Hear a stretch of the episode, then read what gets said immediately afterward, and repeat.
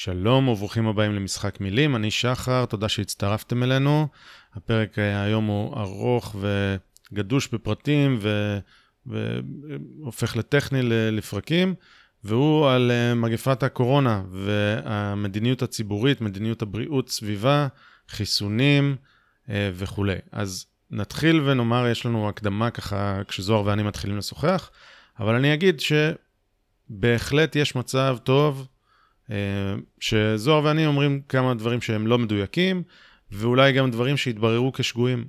ואם זה קורה וקרה, אז תקנו אותנו. אנחנו מאוד נשמח שתתקנו אותנו, כי אם אני טועה, אני רוצה לתקן את, את מה שאני חושב, וזוהר אה, חושב בדיוק אותו דבר.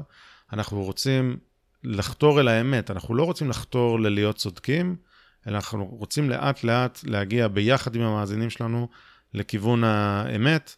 אה, זה איזושהי שאיפה שהיא צריכה להיות תמידית אה, אצל כולנו. אה, אז כל טעות שאתם מגלים פה, אז בבקשה, עצרו איתנו קשר. בטלגרם זה הכי טוב, כי אנחנו יחסית נראה את זה מהר, אבל באימייל, בהערות על הפרק, ביוטיוב וכולי, כל הכישורים מופיעים כאן. הדבר השני שרציתי להגיד הוא שיש פה המון המון מידע בהערות של הפרק, בפוסט, עם הרבה מאוד כישורים. ואני מפציר בכם, אם סקרנו אתכם, לכו תבדקו בעצמכם. הדבר השלישי והאחרון שאני אגיד לפני שנלך לפרק, הוא שאתם אה, יכולים לעבור כשעה וחצי בפרק ולהגיד, טוב, אז מה הם רוצים בעצם? הם רק אה, דובי לא לא. אז יש אלטרנטיבה ויש לנו אה, הצעה למה, למה כן אפשר לעשות. אה, וזה קורה בחצי שעה האחרונה של הפרק, אנחנו מדברים על זה. אז לכן אני מפציר בכם אה, לחכות לסוף ולהבין אה, מה אנחנו מציעים כן לעשות. אז למרות כל השמיים האפורים שיהיו בחלק הראשון של הפודקאסט, בסוף זה נראה, נהיה קצת יותר בהיר, אז תחכו, תחכו גם לזה. כרגיל, כל פידבק או כל דבר, נשמח לשמוע מכם. אז uh, שיחה שלי עם זוהר על קורונה, בלי עיכובים נוספים. קדימה, זה הזמן לשחק את המשחק. Time to play the game. Time to play the game.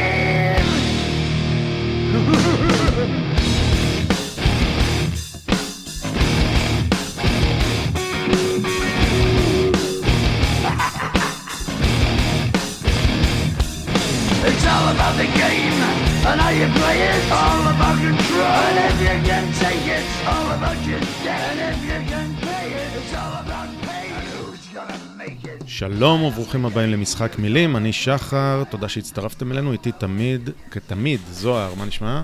ערב טוב, ערב טוב. אצלי נהדר.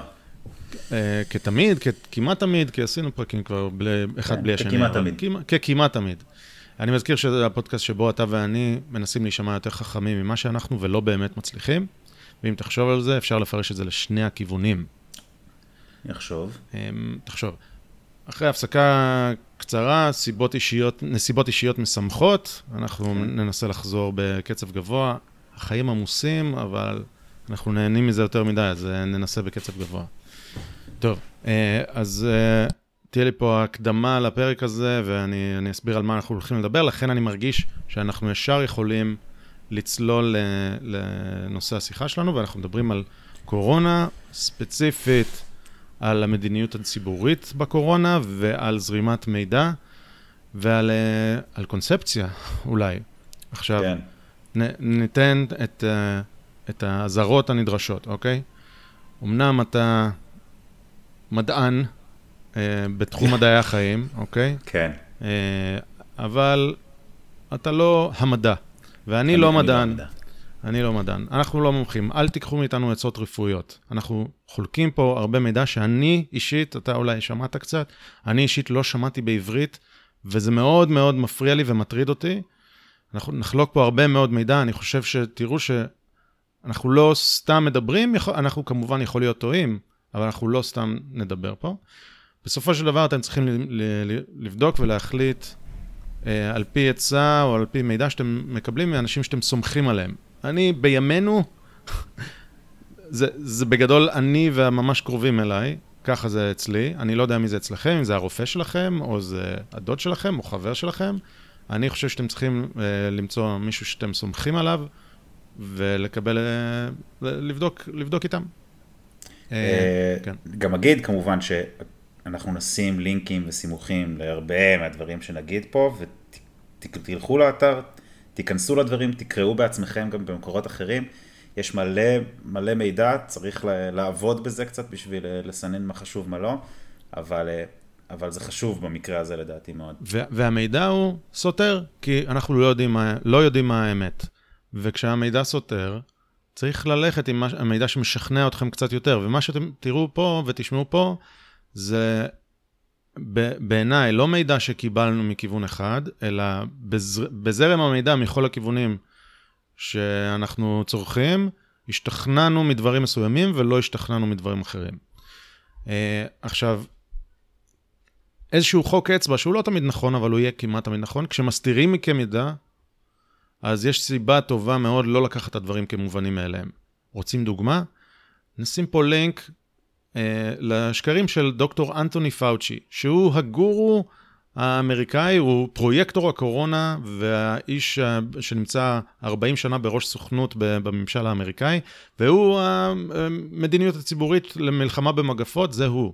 דוקטור פאוצ'י, והוא משקר.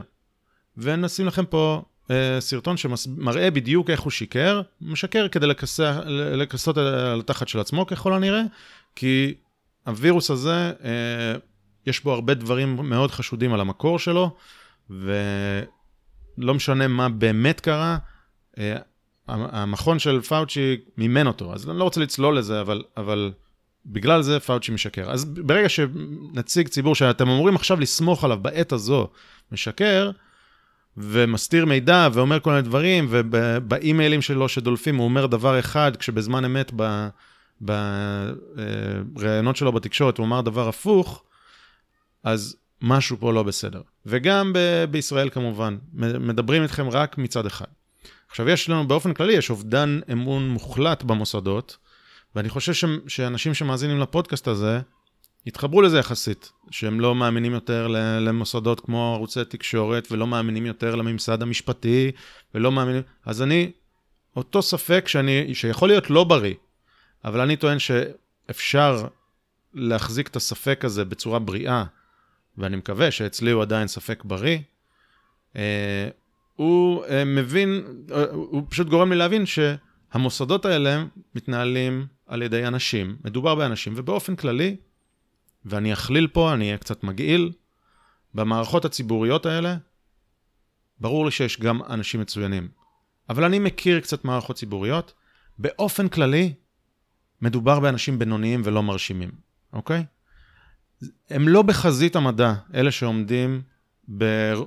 או אני אגיד ככה, במשרד המשפטים לא יושבים עורכי הדין הטובים ביותר בישראל.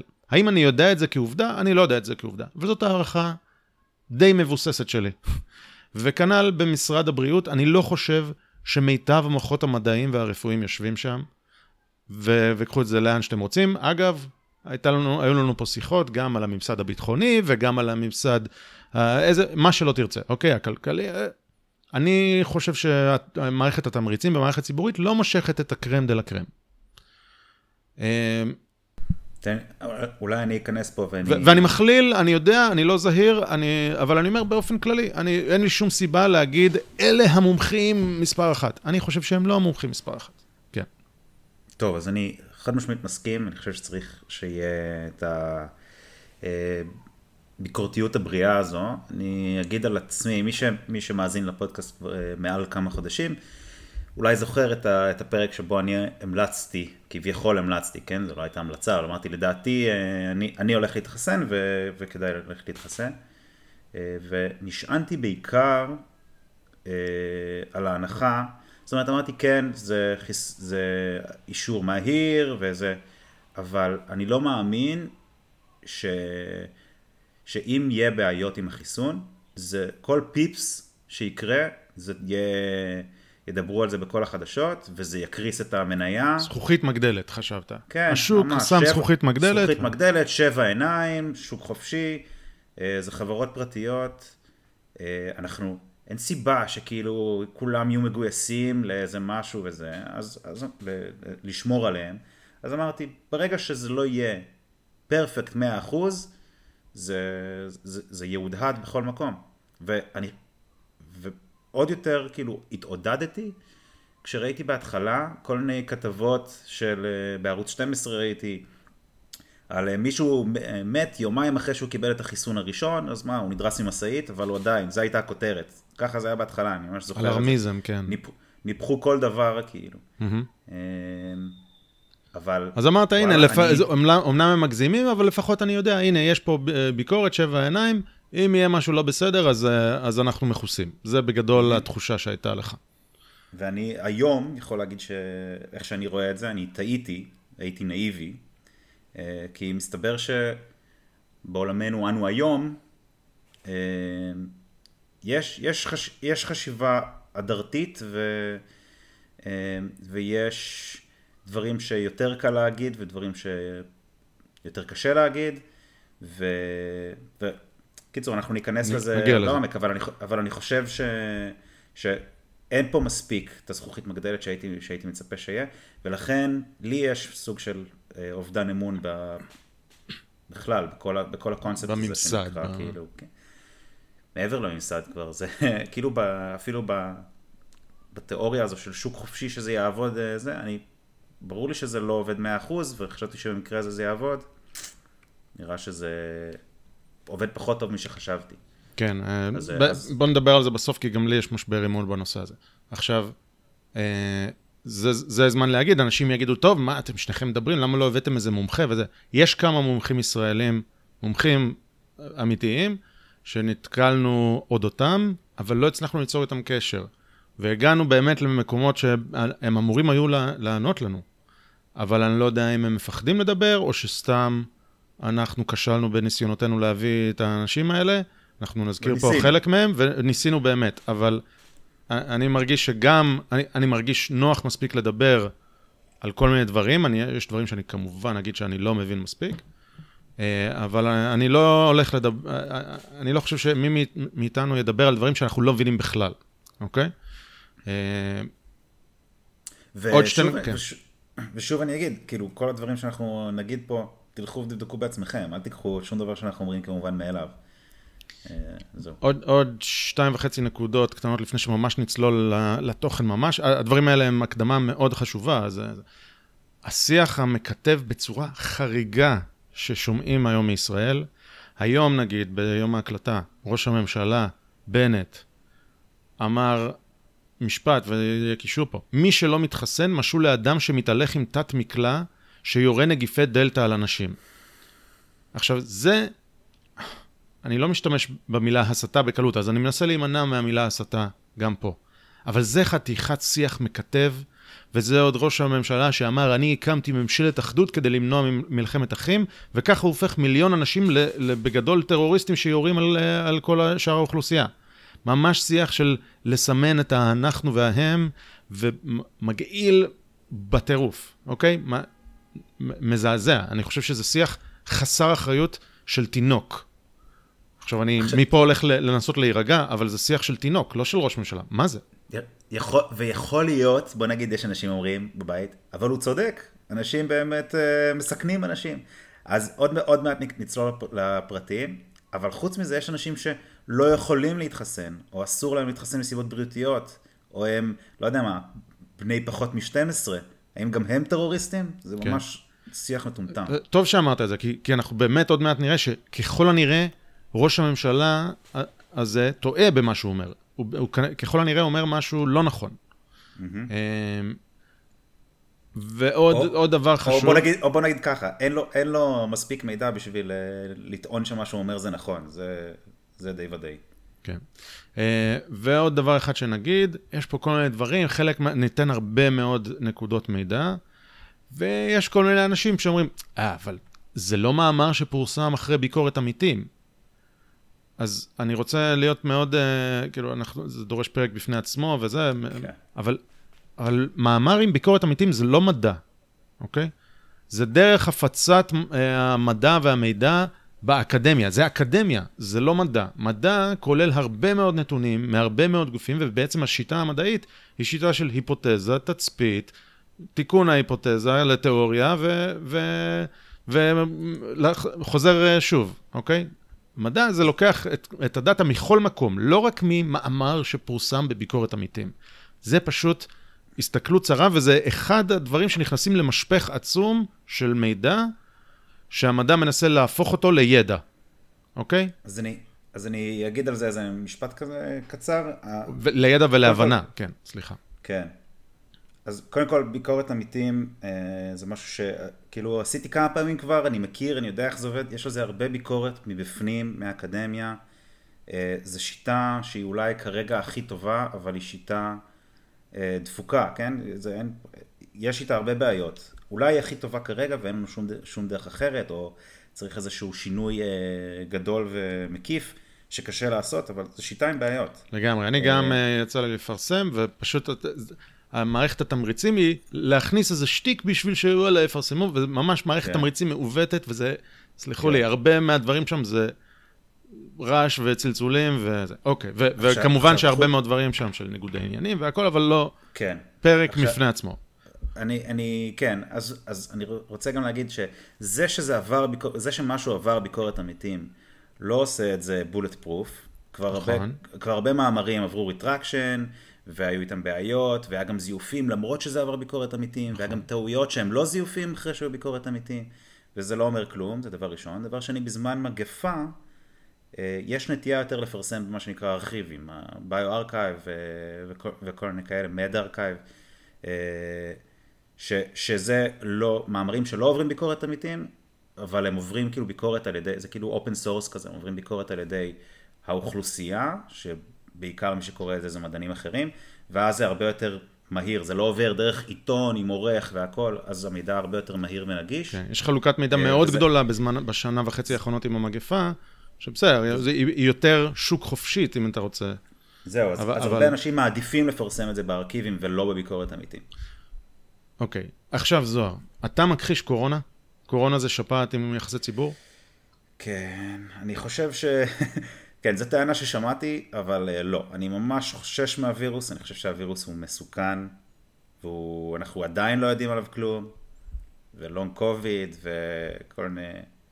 אני, אני ממש לא ממעיט בערכו של הווירוס, אם זו השאלה. גם אני לא. אני הייתי מהמתריעים הראשונים בין חבריי ומשפחתי. אני אה, הצטיידתי ב...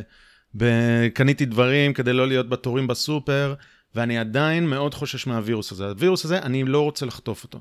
ואני באמת חושב שאנחנו לא יודעים עליו הרבה מאוד. אני חושב שיש סיבות מהותיות לחשוש מן התופעות ארוכות טווח שלו, אני מקווה שלא יהיו, אבל יש לי חששות אה, מתופעות תופעות בטווח הארוך שאנחנו עדיין לא התחלנו לראות.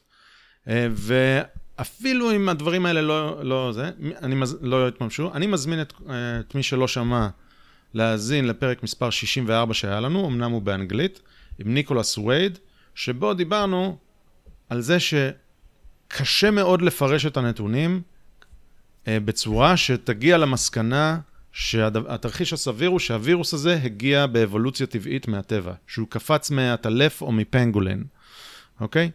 המידע הזמין בפנינו, ומאז הפרק הוא נחשף עוד מידע, אה, הפרק לפני כחודשיים, נחשף עוד מידע, הווירוס הזה ב, בהסתברות גבוהה, בלי ודאות, אבל בהסתברות גבוהה, עם כל הראיות הנסיבתיות מסביב, יצא ממעבדה.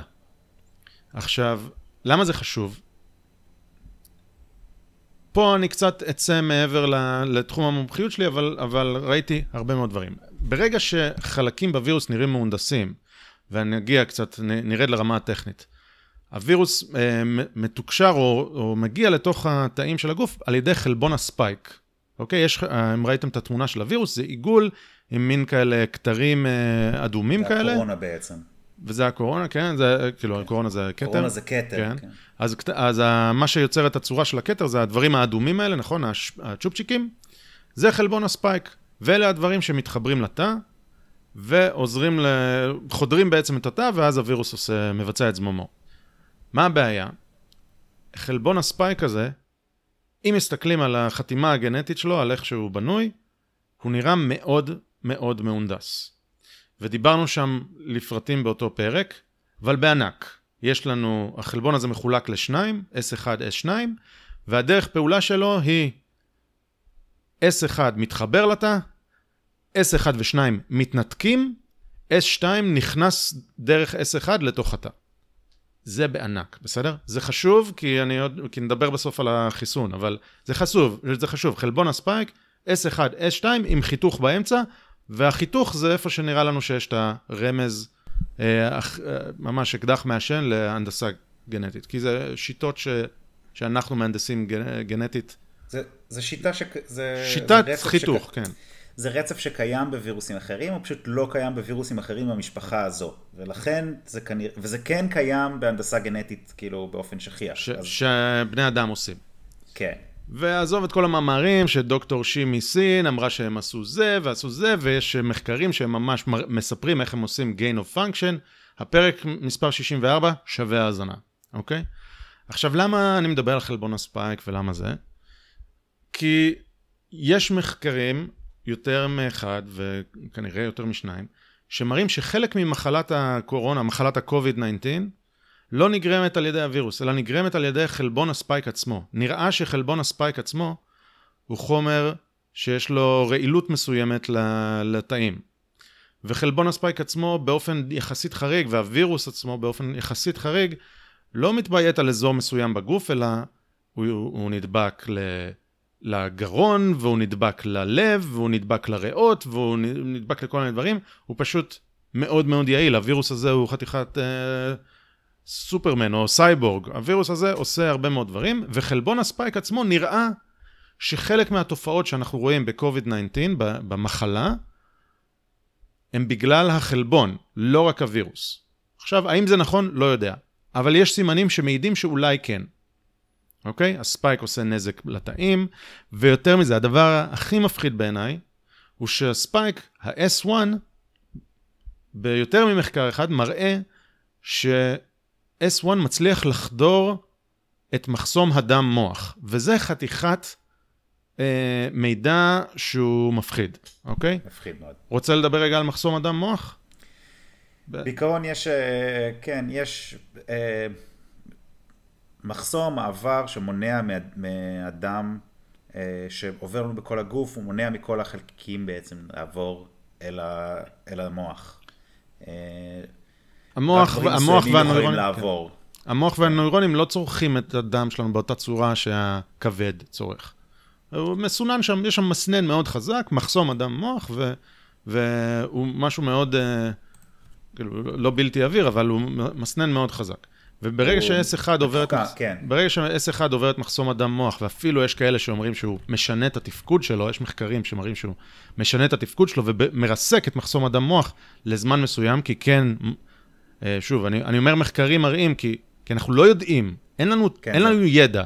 יש סימנים ויש ראיות, ויכול מודל... להיות שהם, אה, שהם אה, ישונו בתצפיות אחרות. אבל יש תצפיות ומחקרים שמראות שלזמן מסוים, הוא, הוא, מחסום הדם מוח מפסיק לתפקד או, משנה התפקוד שלו, והוא מחלים אחרי כמה זמן. אלה הסימנים. ו, ועכשיו, ברגע שהמחסום הדם המוח שלכם לא עובד, או עובד פחות טוב, אני לא יודע איזה השפעות יש לזה. אם תיקח אקמול, בזמן שמחסום הדם מוח שלך פרוץ, מה, מה זה עושה? אני לא יודע. אני לא יודע אם, יש, אם הרופא שלכם יודע. אבל זה מאוד מפחיד. הווירוס הזה מאוד מפחיד אותי, וחלבון הספייק מאוד מפחיד אותי. כן. אוקיי? אה, אז, אני לא מכחיש קורונה. ונראה לי שגם אתה לא. אה, תזכיר לי, טוב, אנחנו נדבר על אייברמקטין בהמשך, כן. אבל תזכיר לי, יש פה נקודה נקודה מאוד חשובה בנוגע ל... כן, אני חושב שאני יודע מה אתה רוצה להגיד. אוקיי, אז אחרי ש... נראה לי שהוכחנו באותות ובמופתים שאנחנו חוששים מהווירוס הזה, אני מאוד לא רוצה להידבק. אה, נדבר על החיסון. אתה דיברת על מה, אתה אמרת לפני כחצי שנה על החיסון, אני גם הוצאתי פרק בעצמי, שאמרתי מה, מה אני חושב על החיסון. והייתי זהיר, אמרתי, אני שמח שאני לא צריך להחליט, כי השחרור של החיסון בארצות הברית, אתה בזמנו היית בארץ, אני הייתי בארצות הברית, אה, הרולאוט, השחרור וה, וההפצה היו יותר איטיים, ואמר, איטיים, ואמרתי, אני שמח שאני לא צריך להחליט, אני שמח בחלקי לחכות, ואם הייתי עומד מול ההחלטה, כנראה שהייתי לוקח את החיסון. זה מה שאמרתי. כלומר, לא התנגדתי לחיסון. הייתי קצת זהיר, והערכתי שוואלה, בסדר, כמוך אמרתי, כנראה הרגולציה תגיע על ידי ההמון. ו... ואז הדיון התחיל להיסגר. השיח התחיל להיות מושתק, אי אפשר היה להציג משהו אולי לא בסדר, פתאום התחיל לזרום המידע על הדלקת בלב, והושתק. מחק... דברים שקרו בארצות הברית, הושתקו. הצנזורה של הביג טק בנושא הזה הייתה רצחנית ועדיין אה, מאוד מאוד אגרסיבית. וברגע שהדיון מתחיל להיסגר והשיח מתחיל להיות מושתק, אני מתחיל לבדוק. והבולשט דטקטור שלי שדיברתי עליו בעבר, מה זה מצפצף? אז רגע, רגע, אתה, אתה אומר פה מושתק, ומה זה, מה זה מושתק, מי, מי זה משתיק? מה, מה אתה מדבר? אנחנו ניתן, תכננתי לתת כמה דוגמאות אחר כך, אבל בוא, בוא נגיד עכשיו. אה, יש מומחים אמיתיים, בעלי שם עולמי. אני אתן דוגמה מובהקת, אוקיי? החיסון של פייזר והחיסון של מודרנה, אה, לא אמרנו את זה כי זה, אנחנו חושבים שאנשים אה, אה, אה בעניינים, אבל הם שני, הם שני חיסונים ש, שאין להם כרגע אישור קבע, יש להם אישור חירום.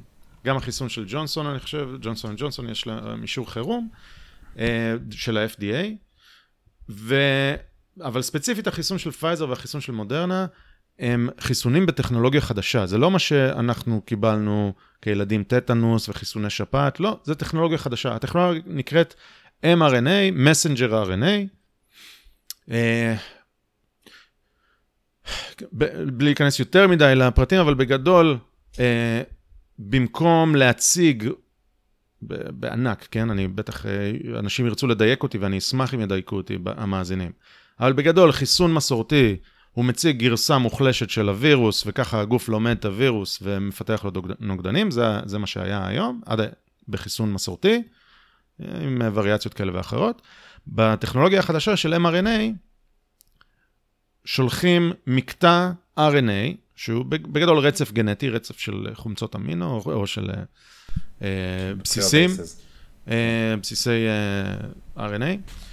שולחים אותם ככה שהם ייכנסו לתא, הם ייכנסו לתא וילכו לאיפה ש... אה, למפעל של התא, לריבוזום, והריבוזום יקבל את ה-RNA הזה, זה התפקיד של ריבוזום בעולם. הוא מק... מקבל RNA, זה כמו אלגוריתם להוציא חלבון, זה מה שריבוזום עושה. והטכנולוגיה הזאת משתמשת באותו מפעל, באותו ריבוזום, אומרת לו, הנה האלגוריתם, תייצר חלבון. איזה חלבון מייצרים בחיסונים האלה? את חלבון הספייק. עם שינויים, נדבר על זה עוד רגע. אבל מייצרים את חלבון הספייק בחיסונים של פייזר ומודרנה. עכשיו, הטכנולוגיה הזאת היא חדשה, היא כבר כמה עשרות שנים חוקרים אותה ו- ועושים עליה כל מיני דברים, אבל מעולם לא היה חיסון בטכנולוגיה הזאת. למה? אני לא סגור על זה, אבל לא היה. והממציא של הטכנולוגיה הזאת, קוראים לו, אחד מהממציאים, כנראה שהוא לא עשה את זה לבד, אבל הוא אחד הממציאים מהיום הראשון של הטכנולוגיה הזאת, אני חושב שהוא הגה, הגה את הרעיון והכל. קוראים לו רוברט מלון, דוקטור רוברט מלון, אולי פרופסור, אני חושב שרוברט מלון. כן. והוא אה, עובד צמוד עם ה-FDA, גם היום, והוא תומך בטכנולוגיה, והוא לקח את החיסון אפילו, של פייזר, אני חושב, ואולי זה היה של מודרנה, לא משנה, ואז הוא התחיל להתריע, כי הוא ראה, הוא ראה כל מיני דברים. והוא התחיל להתריע שנראה שמשהו פה אולי לא בסדר, ורוברט מלון מושתק בכל מיני פלטפורמות, ביניהם בלינקדאין.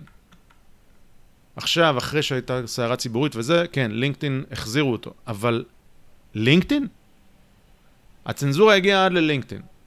אה, ברט ויינסטיין, שדיברנו עליו בעבר ונדבר עליו עוד בפרק הזה, הערוץ יוטיוב שלו הושתק, לא הושתק לגמרי, אבל חלק מהווידאוים שלהם הוסרו, הוא כבר לא יכול לעשות אה, מוניטיזציה ביוטיוב אה, וכולי. ועוד רבים וטובים שאני, שאני רואה, שפשוט הם אה, מושתקים. כלומר, מסירים להם וידאוים, ו- ומידע, disinformation, misinformation, הבית הלבן כן. מוציא הודעה, במסיבת עיתונאים, דוברת הבית הלבן אומרת, כן, אנחנו עובדים יחד עם פייסבוק כדי לתת להם, לסמן להם פוסטים שהם עם מיסאינפורמיישן כדי שיסירו אותם. עכשיו, זה נגד החוקה, אבל הם עושים את זה בשטח הפתוח. למה? כי הקונספציה היא שזה מיסאינפורמציה ואפשר להשתיק והכל טוב. אה, זה חיי אדם, בוא נשתיק.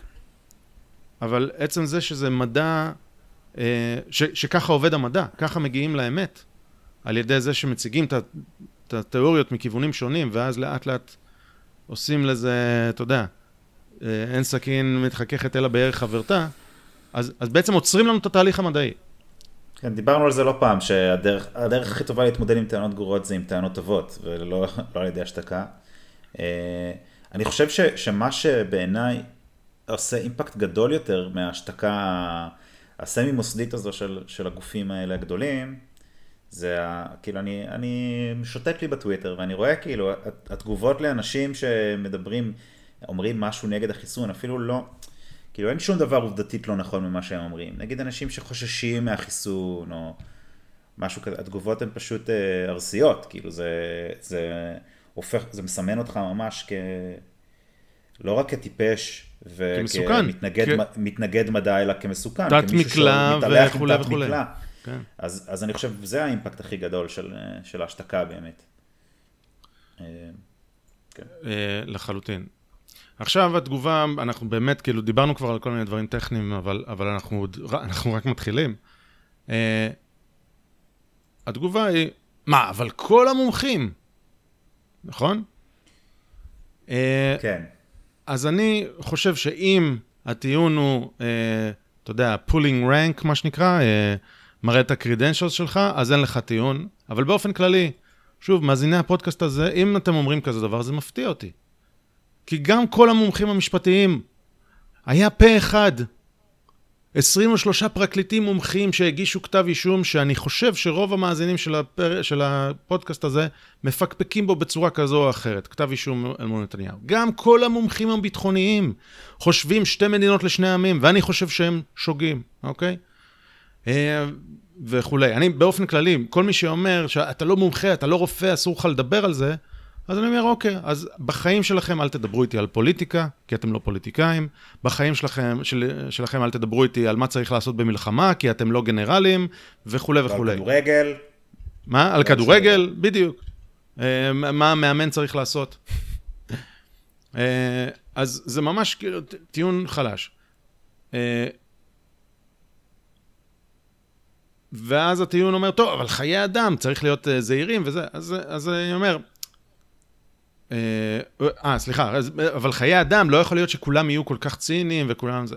אני אומר, איך יש אנשים שיכולים להיות סופר פקפקנים בתעשיית המלחמה נגיד, כן? אתה יודע, חברות הנשק, אבל חיי אדם, נכון?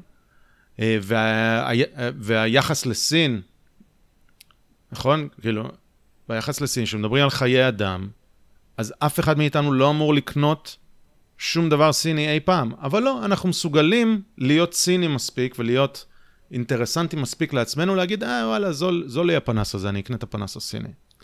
וכנ"ל, אנחנו חושבים שיש חברות מרושעות שבשביל אה, אה, למכור כמה כלי נשק, אז הן מקדות מלחמה, וכנ"ל אה, אה, עתיד כוכב הלכת, אנחנו כן נהיה מסוגלים לחשוב שחברות הנפט, לא אכפת להם להרוס את הכוכב, העיקר לעשות כמה... כמה דולרים.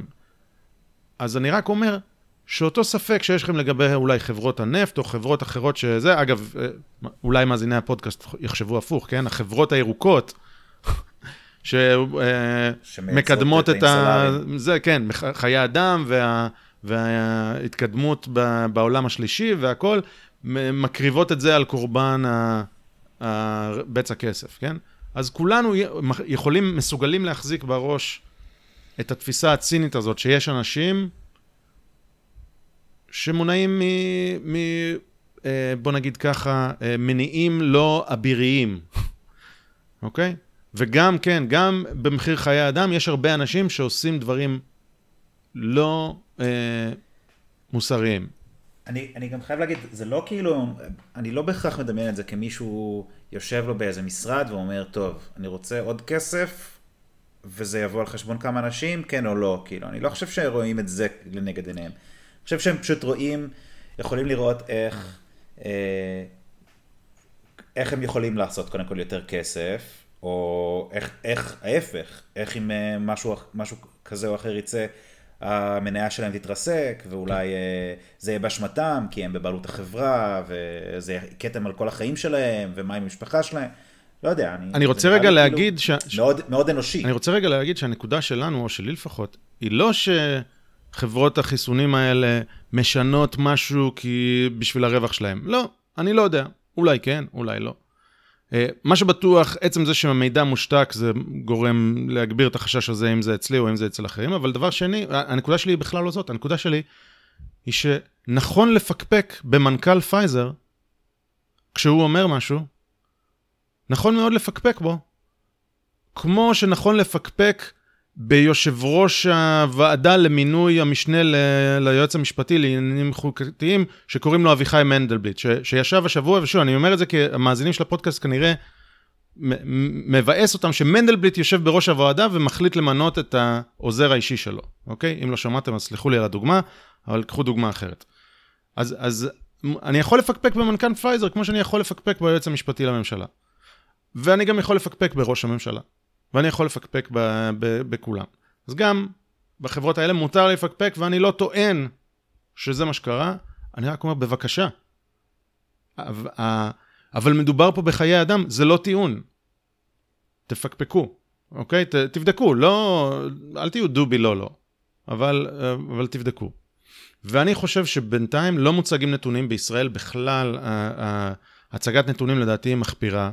כן, יש דשבורד שהוא סבבה, אבל לא עושים חיתוכים לפי גילאים, לא עושים חיתוכים שם לפי מחוסנים, לא מחוסנים. בגדול, הם לא רוצים לשקף את המידע הזה.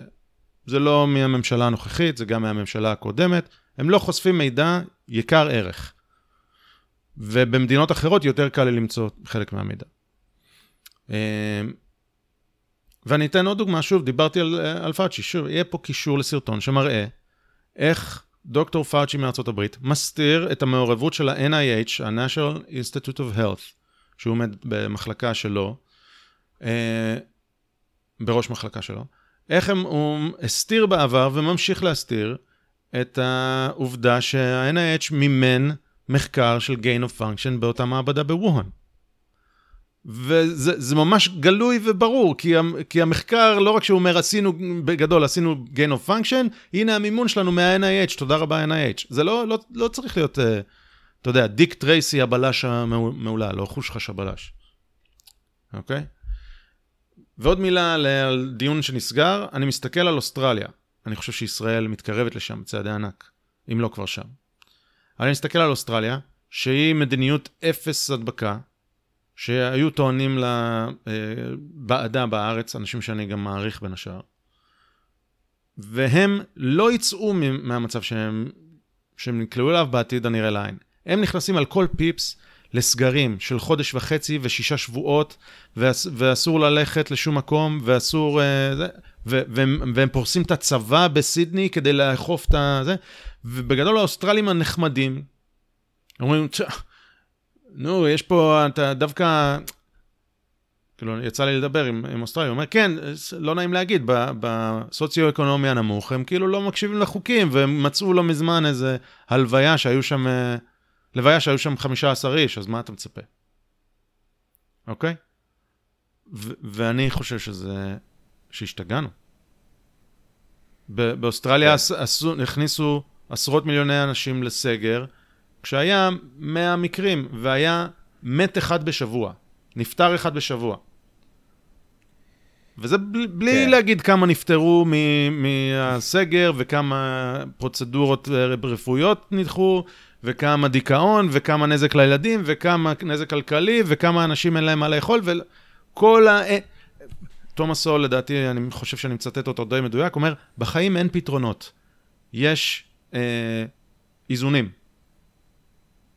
אוקיי? יש balancing act בין, בין, בין אלטרנטיבות. זה נראה לי די אה, נכנס כזה לדיון פילוסופי של מה, מה תפקידה של מדינה ומה המשמעות של מדינה וזה, אבל אה, לדעתי אוסטרליה חוטאת לתפקידה. כאילו, המטרה היא לא רק להגן על אנשים שאפשר להגיד, הנה, מתו לנו uh, מספר חד ספרתי של אנשים. כאילו המטרה היא שאנשים יחיו בסופו של דבר, כן? אז זה נשמע לי קצת, אה, קצת קשוח מדי באמת, ו- וחוטא לתפקיד המדינה.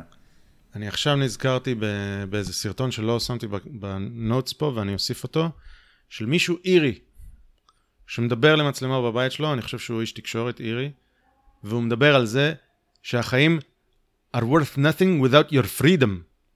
והוא נשמע ממש כמו וויליאם וואלאס. כן. אבל הוא, הוא, הוא נותן הסבר יפה, אוקיי? עכשיו, אני לא אומר שאין תפקיד למדינה ורק חופש ופה ושם וזה. אני כן, אני כן קרוב לעמדה הזאת, אבל אני מבין שיש לזה מגבלות, ואני מבין שיש מגפות שצריך לעצור וזה, אבל צריך לאזן, אוקיי?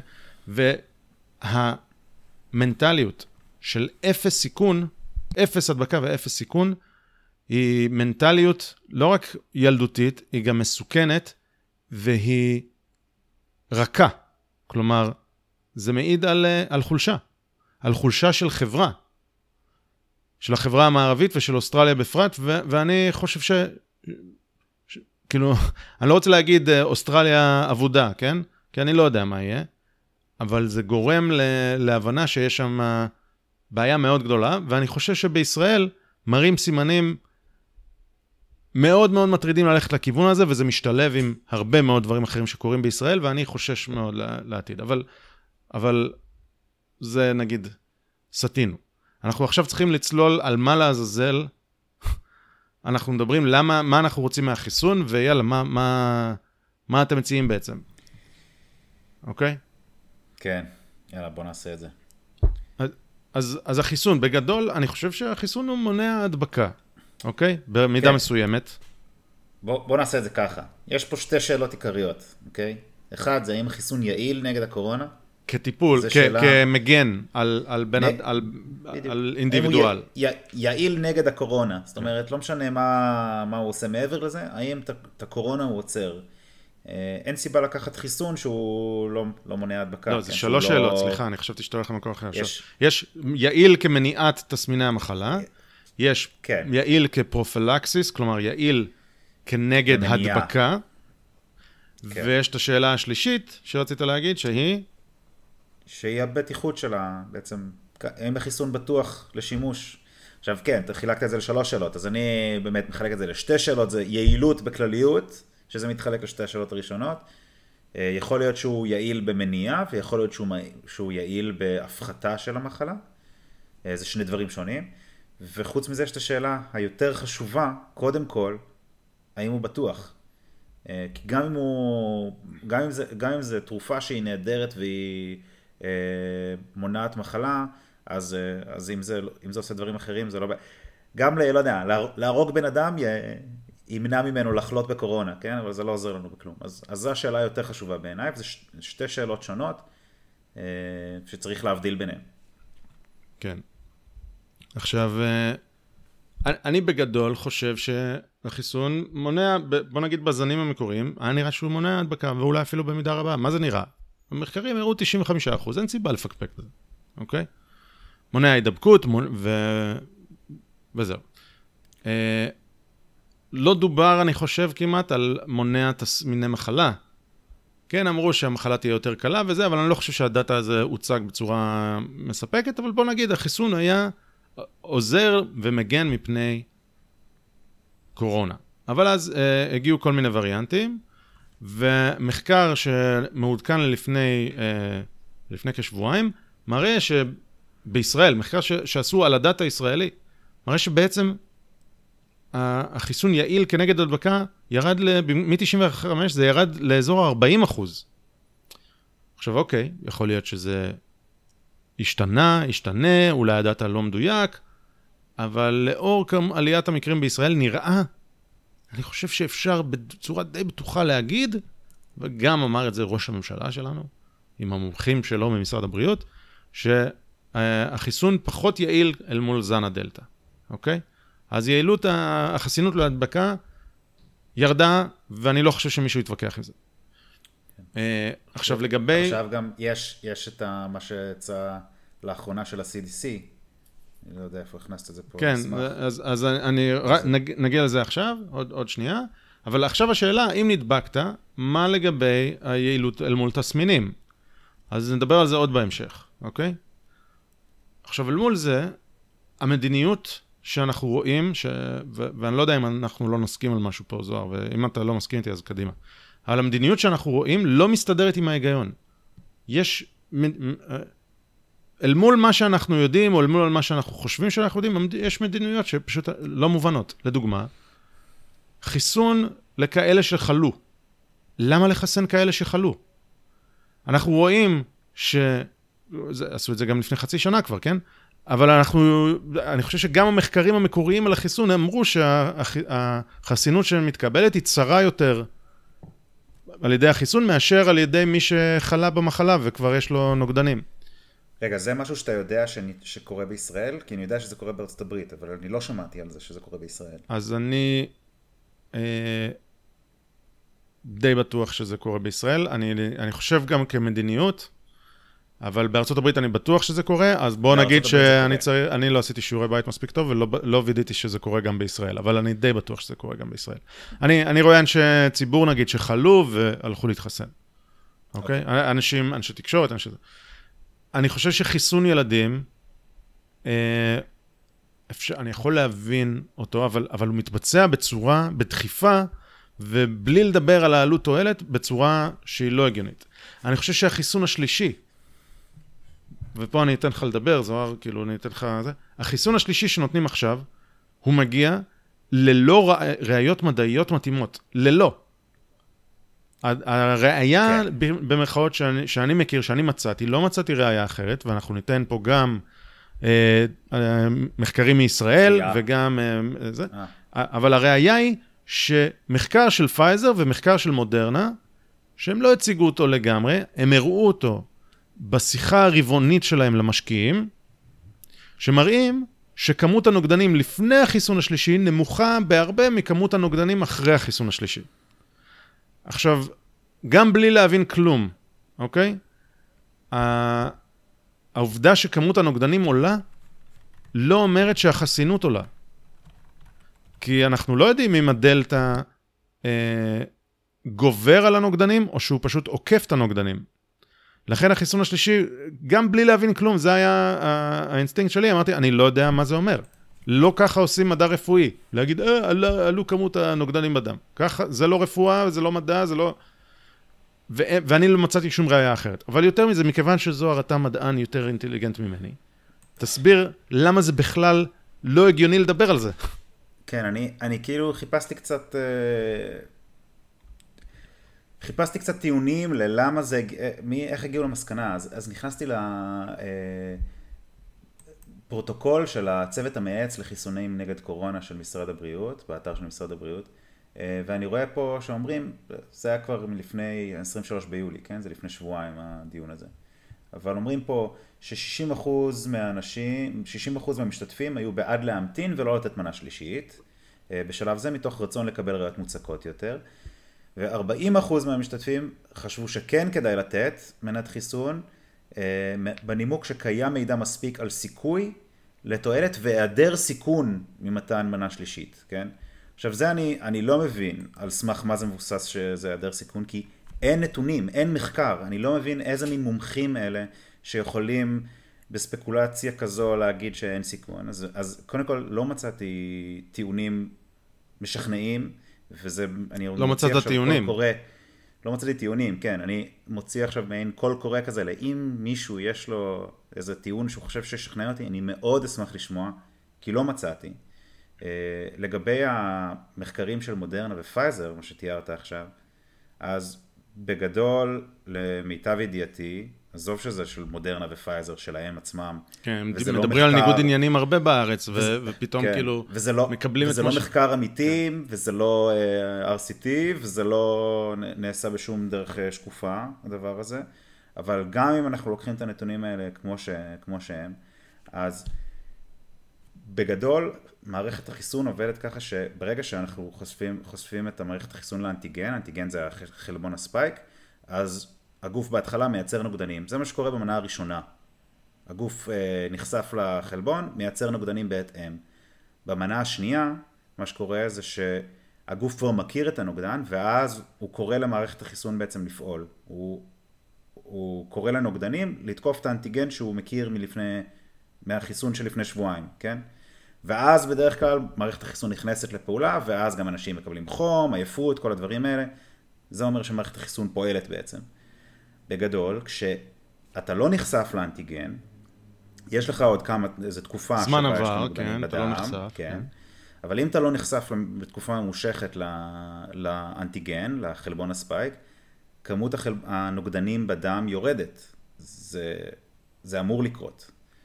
ואז יש מה שנקרא זיכרון חיסוני, שאם אנחנו נחשפים שוב לנוגדן, אלא, סליחה, לאנטיגן, הגוף מזמן שוב ומייצר עוד נוגדנים בשביל לתקוף את האנטיגן הזה, אבל הוא מכיר את האנטיגן, זה, זה נשמר בזיכרון החיסוני של מערכת החיסון, והוא יודע לזהות את האנטיגן ולייצר נוגדנים בהתאם. וזה מה שקורה ברוב החיסוני. אין לנו כל הזמן נוגדנים בדם. זה יורד ועולה בהתאם לצורך. אנחנו, גוף, גוף האדם הוא דבר נפלא. אז, אז, אה, אז בעצם אתה אומר, כדי להמחיש, נגיד, אני, אני לא זוכר כמה, לכמה שנים היה תקף חיסון טטנוס, אבל פשוט אני זוכר את זה מהילדות, נראה לי שזה עשר שנים, שמונה, נגיד עשר שנים. אז אתה אומר, זה לא שבחיסון טטנוס, אה, ברגע שקיבלתי את הזריקה, זה אומר שעשר שנים מסתובבים לי נוגדנים בדם. אתה אומר, להפך, לא מסתובבים לך נוגדנים בדם, או לפחות לא בכמות גבוהה, זה בכלל לא משנה. ברגע שתיחשף לטטנוס, הגוף זוכר, במרכאות, לשמונה שנים, או לעשר שנים, במקרה, בדוגמה שנתנו, הגוף זוכר לעשר שנים, ואז ברגע שהוא נחשף לטטנוס, הוא אומר, אה, להפעיל את קוד 1472, ואז מייצר מלא נוגדנים. ו... בגימטריה. כן. כן. עכשיו, עכשיו, כמה זמן הגוף שומר את הנוגדנים, את הזיכרון לנוגדנים נגד אה, חלבון הספייק? לא יודע. יותר מזה, לא יודעים, כן? כן. כי אין, לא עבר מספיק זמן. אנחנו כן יודעים אז... שכל החברות האלה אומרות, צריך בוסטר שאט כל חצי שנה וזה, ויכול להיות שהם צודקים. אבל, אבל... אבל מה שבטוח כן. אנחנו יודעים זה שיש להם ניגוד עניינים. אני לא יודע אם הם צודקים או לא. יש להם אינטרס לזה, והם לא הצדיקו את הנתונים, נכון. ש... לא הציגו את הנתונים שיצדיקו את זה. אה, אם הם, יצדיק... אם הם יציגו נתונים, אני... אין בעיה, כאילו, אבל... אפשר אבל לא להשתכנע לא בקלות. רק שהם לא מנסים אפילו. כאילו, אוכלוסיות שלמות משתכנעות בלי שהם אומרים, ונתניהו דיבר עם בורלה, אז הכל טוב. כן, עכשיו, יותר מזה, המסקנה היא עוד יותר לא, לא מתיישרת עם ההיגיון, כי, כי גם אם כמות הנוגדנים עולה וגם אם לא, זה לא, זה לא אומר לנו האם היעילות נגד החיסון נגד הדלתא, כן. כן או לא. עזוב נגד הדלתא, אני מדבר לפני כן, הדלתא. אוקיי. אנחנו לא יודעים אם זה שיש יותר נוגדנים עכשיו, זה בהכרח אומר שזה, שזה מגביר את החיסון, כי יכול להיות, אנחנו אומרים 95 אחוז אה, חסינות, נכון? אבל יכול להיות שהחמש אחוז האלה זה אנשים, אנחנו לא יודעים למה זה עובר אצלם, כן? האלפא אני מדבר. אנחנו לא יודעים מה הסיבה. יכול להיות שגם עם חיסון שמיני שהם יקבלו, הם לא יצליחו לייצר נוגדנים מתאימים.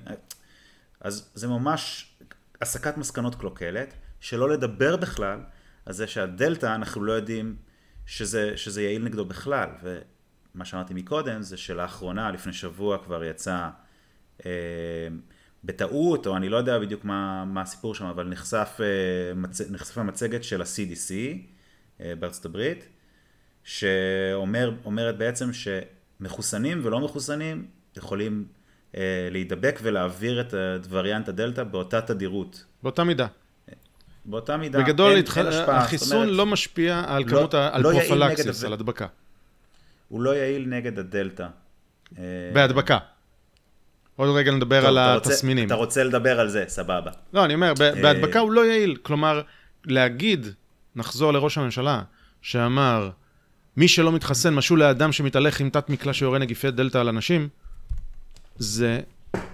כן. זה, זה אה, התססה מטורפת, שהנתונים מראים הפוך. זה לא מי שלא מתחסן. נראה שמי שמתחסן, הוא יורה באותה מידה, ולהפך, זה שאתה אומר תתחסנו ואז הכל טוב, אתה גורם לאנשים שמדבקים באותה מידה להרגיש שהם לא מדבקים ולהסתובב ולהדביק יותר. אז אולי, אולי אפשר להגיד עליך שאתה גורם לזה. ש... אני, אני פשוט חושב... מי שמכיר את המחקרים על, אה, על קסדות באופנועים, אה, יתחבר לזה אולי.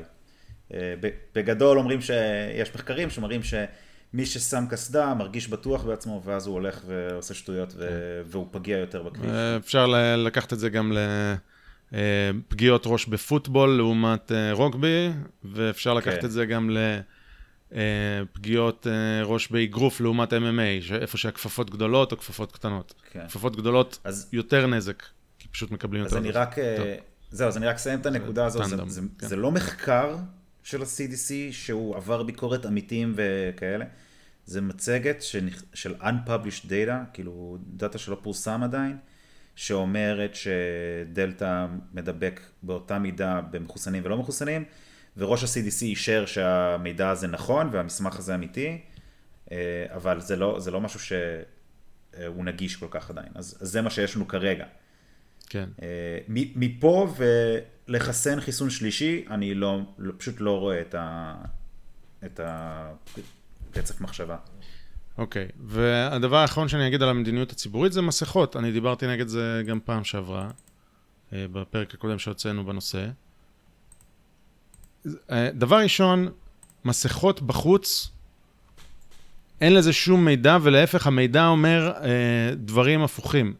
הווירוס ככל הנראה, עד כמה שאנחנו יודעים, מאוד מאוד לא מדבק בחוץ ובשמש, אוקיי? האם זה נכון ב-100%? אני לא יודע, אבל המחקר מראה שלא. המסכות בחוץ הן לא יעילות, ויודע מה? המחקר מראה, והניסויים היחידים, שניים שבוצעו, אני צריך למצוא אותם, אחד בדנמרק, אחד ב... אה, אני חושב ביפן, אבל אני צריך לבדוק את עצמי, מראה שמסכות לא עובדות. והנה עוד, ואתה מדבר על מדיניות. אני מדבר על, על מדיניות. המסכות בציבור, אולי חשוב. במעבדה הן עובדות, אבל בציבור הן לא עובדות. למה? כי הציבור לא חי במעבדה. והציבור נוגע במסכה, והציבור מזיז אותה, והציבור לא לובש מסכת N95, הוא לובש מסכת דמיקולו שהוא קנה בזה, ו, והציבור שלא שומעים אותו, אז הוא מוריד את המסכה, ואז מחזיר אותה, והציבור והציבור, ויודע מה, אני, אוכל, אני אומר שגם... כל אני אומר. שגם בתנאים אופטימליים, נראה שזה כמעט לא עובד, בטח לא מסכות הבד, ולא רק אני אומר את זה, גם דוקטור פאוצ'י אומר את זה, אבל באימיילים פנימיים מוסתרים, שעל פי בקשות חופש מידע, ראינו אותם, אוקיי? אבל בציבוריות הוא אומר דבר הפוך. עכשיו נשים פה קטע על מחקר שבוצע בבריטניה, שרוצה להראות כמה, כמה מסכות הן טובות. ממש מחקר שכאילו, חבר'ה, שימו מסכות. והמסקנה היא שמסכות הן טובות, ולכן צריך, אה, זה, זאת המסקנה. אה, אבל אז שצוללים, רואים שמסכות הן טובות, אבל לא כפי שאנשים לובשים אותן. מסתבר שאנשים לא לובשים אותן טוב. אז בעצם המחקר אומר, המסכות הן טובות, אבל חברים, אתם צריכים להקפיד לשים אותן טוב. עכשיו, כמה טוב מבצעת המחקר בעצמה, בדקה על עצמה. האם היא שמה את המסכה טוב, ותוך כדי שהיא רוצה כאילו להסביר לכולם איך אתם צריכים לעשות מסכות טוב, בדקה על עצמה וראה שגם היא לא שמה את המסכה טוב. כלומר, בקושי אפשר לשים את המסכה טוב, אם בכלל. וממש תשמעו קטע של שמונה דקות, זה דיסוננס קוגניטיבי. איך היא פשוט רוצה שזה יהיה נכון, וכל הנתונים שהיא אומרת מראים שזה לא עובד. אתם יכולים לשמוע פודקאסט שמונה דקות ראשונות בהצלחה, אוקיי? עכשיו זה, זה חשוב, כאילו, יש, אני בהתחלה, גם כן, כל הנושא של המסכות, אני הלכתי וראיתי מחקרים, ואמרתי, וואלה, יש פה משהו, כי זה, בהתחלה הייתי נגד, כי מחקרים ראשונים שראיתי אמרו שזה לא יעיל. ואמרתי, זה גם הגיוני, הווירוס הוא הרבה יותר קטן, אבל אז אחרי זה ראיתי שיש משהו כנראה, וכן, תנאי מעבדה, לוקחים, בודקים, רואים כמה, כמה הווירוס עובר, כמה לא, אמרתי, טוב, זה חוסם. אבל בתכלס, אנחנו לא חיים במודל, אולי אנחנו חיים במטריקס, אבל, אבל זה לא מודל מעבדה מושלם, ו, ויש פה הרבה מאוד פקטורים שאי אפשר לשקלל במעבדה, ובסופו של דבר שבודקים את זה במציאות, זה כנראה לא יעיל. וכנראה גם שהבריחה היא גם מהצדדים, כאילו, תחשוב, מי- אם נכריח מישהו שמעשן לשים מסכה בין שחטות, ופשוט ככה נחסוך מעצמנו את הריח של הסיגריות, זה, זה חרטא. עכשיו, אני יודע שזה לא אותה השוואה, והחל... והדרופלטס וזה, אני מבין. אבל, ו... ואגב, גם אני, אני. אני שמתי מסכה כשנסעתי באוטובוס, לפני שהתחילו הסגרים, שבועיים לפני, אני הייתי, הייתי יחסית מוקדם על הווירוס הזה, אמרתי, טוב, אני לא יודע אם זה עובד, אבל עושים מה שאפשר. אז אני אשים את המסכה באוטובוס, אני יודע. אה, והרגשתי מטומטם, כי אף אחד, כולם הסתכלו עליי מוזר. ואז, אה, כלומר, אני עשיתי מסע הפוך ממך, או לא יודע, ש... אה, שונה ממך. התחלתי עם, ואז הבנתי ש... שלא, ואחרי שנה וחצי, הנזק המטורף שזה עושה לילדים שלנו, שלא יודעים לקרוא פרצופים, ולמערכת יחסים שלנו עם המוכר במכולת, ולא יודע מה, הנזק הוא לדעתי מטורף, אנחנו פשוט לא, לא מבינים אותו. וחוץ מזה, שתעופו לי מהפנים, לא רוצה לשים את החיתול הזה על הפנים שלי, עזבו אותי. אבל בסדר, זה היה קצת, שחררתי, זה היה הוצאת אה, קיטור קטנה, אבל יאללה. אה, כן. אוקיי, אז זה מדיניות ציבורית. אנחנו מדברים פה על מדיניות ציבורית שלא מסתדרת, ועכשיו בוא נגיד, אחרי שאמרנו שהמדיניות... צריך אותך המילה חיתול, אה? לא. אני, אני, קצת, אני קצת שומע את הקול שלי, ואני חושב שאני נשמע אחרת מבפודקאסטים אחרים, כי אני כאילו, אני חם, אני יותר חם, אני מנסה להרגיע את עצמי, אז אוקיי. כן. אני, אני ממש חושב שאני מדבר בפיץ' יותר גבוה ויותר זה, יאללה, אפשר להירגע. אבל זה, זה פשוט כן. מאוד חשוב. עכשיו בואו נדבר אחרי שדיברנו על החיסון, ועל איפה אנחנו חושבים שאולי הוא טוב, איפה המדיניות הציבורית לאור החיסון לא מסתדרת, מה בעצם החשש, אוקיי? אז דיברנו כן. כבר על מה זה mRNA. כן. רוצ... אבל, אבל יש אה, סימנים מאוד מדאיגים ומאוד חזקים לאפשרויות של אה, תופעות לוואי בטווח הקצר שהן לא קטנות, אוקיי? אתה רוצה... כן. אה, אז אפשר, אז קודם כל שמענו גם בחדשות, אה, דיברו על אה, מיוקרדיטיס, על דלקת שריר הלב, שהיו בעיקר צעירים שהיה להם תופעות לוואי שכאלה וכנראה קישרו את זה לחיסון, כי מספר המקרים היה חריג ו... ואמרו שכנראה יש קשר, ואני לא, לא יודע איפה המחקר עומד בנוגע לזה, אבל, אבל עצם זה ש... כמות, כמות המקרים עולה כל כך אה, בצמוד לחיסון, זה לא מכריח כלום, זה לא אומר כלום, אבל זה רק אומר שזה משהו שצריך לבדוק. ו, וזו הנקודה ש, שאני רוצה להעביר, שתלווה אותי לאורך כל מה שאנחנו הולכים להגיד עכשיו, אוקיי? שזה שמשהו קרה בצורה הזו, או שהמספרים הם מבהילים, זה לא אומר שא', ב', ג', זה רק אומר שהמספרים מבהילים מספיק בשביל לבדוק את זה לעומק. ומי שיגיד לי, אה, זה, זה, זה כנראה לא, לא חשוב, או זה מספרים נמוכים, או משהו כזה, אז הוא לא רוצה לבדוק.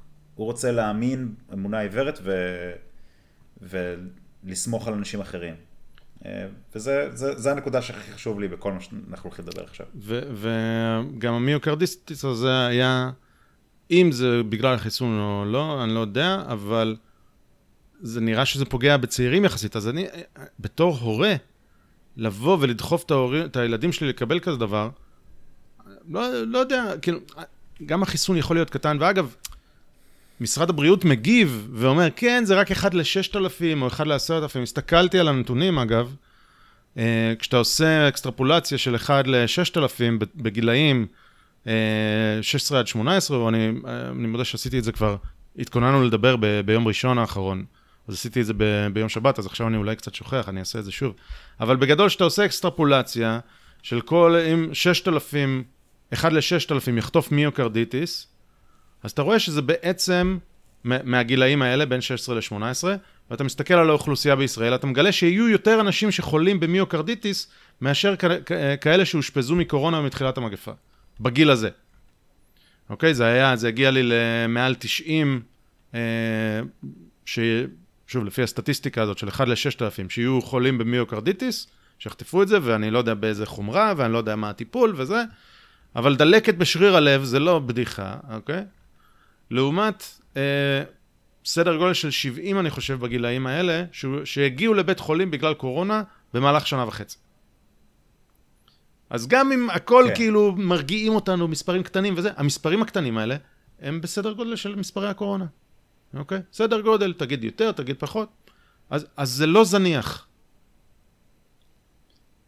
כן. אוקיי, עכשיו... זה לא, זה לא זניח. זה לא זניח, בטח לא שאתה בא בהתנדבות לחטוף את זה. עכשיו, אני לא אומר שאתה תחטוף את זה, אני אומר, תנהל את הסיכונים שלך. עכשיו, עכשיו זה מקרה שבו התייחסו לזה.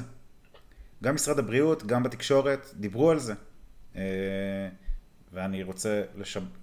לשבח. בעיניי לא, לא נותנים לזה מספיק, כאילו, אנשים לא שמים על זה מספיק את האור, את האור כאילו זה אור, זה אור אה, כתום, בוא נגיד, כן? צריך לבדוק את זה אולי. יש פה חיסון שאנחנו, שהוא אישור חירום וכל הדברים האלה, והוא, כאילו משרד הבריאות אומר, יש קשר, אה, יש סבירות לקשר בין מנת החיסון למיוקרדיטיס בקרב צעירים, גברים צעירים, אה, בסבירות של בין 1 ל-1000 ל-1 ל-10,000 מחוסנים. זה מה שאומרים. לפי גיל, כן, זה השתנה לפי גיל. כן. קיצור, זה, זה אוקיי, אולי יש פה דברים על החיסון שאנחנו לא יודעים כל כך. זה, זה מדליק נורת אזהרה שצריך... אה, כאילו, זה לא אומר שמי שלא מתחסן, כי הוא מפחד מהדבר הזה, הוא מסתובב עם תת מקלע. כן. אה, עוד, עוד דוגמה לתופעת לוואי שהיא, להגיד שהיא לא חמורה, אבל אולי כן, אולי לא, אני לא רוצה לחטוף אותה.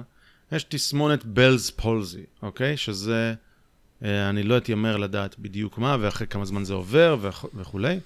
אבל זה שחצי מהפרצוף נופל, אולי ראיתם תמונות כאלה, יהיה פה קישור כמובן, אבל שכתוצאה מהחיסון אנשים מקבלים את הדבר הזה. עכשיו, התגובה המיידית הייתה, לא, זה בכלל לא, אה, לא קשור לחיסון, יש סטטיסטיקה שזה קורה פעם ב, וזה סתם, זה, זה הסטטיסטיקה.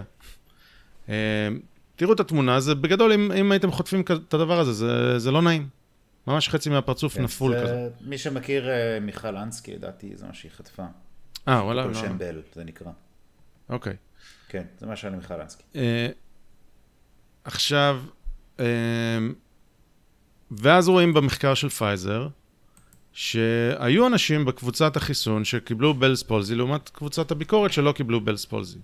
אבל אז בסטטיסטיקה הם אומרים, טוב, כמות האנשים הם בשיעור ל-100 אלף וזה, זה מסתדר עם המספרים, זה סטטיסטית הגיוני שהם יקבלו Bell's palsy בלי קשר לחיסון. מה הבעיה? שהמתמטיקה היא לא נכונה.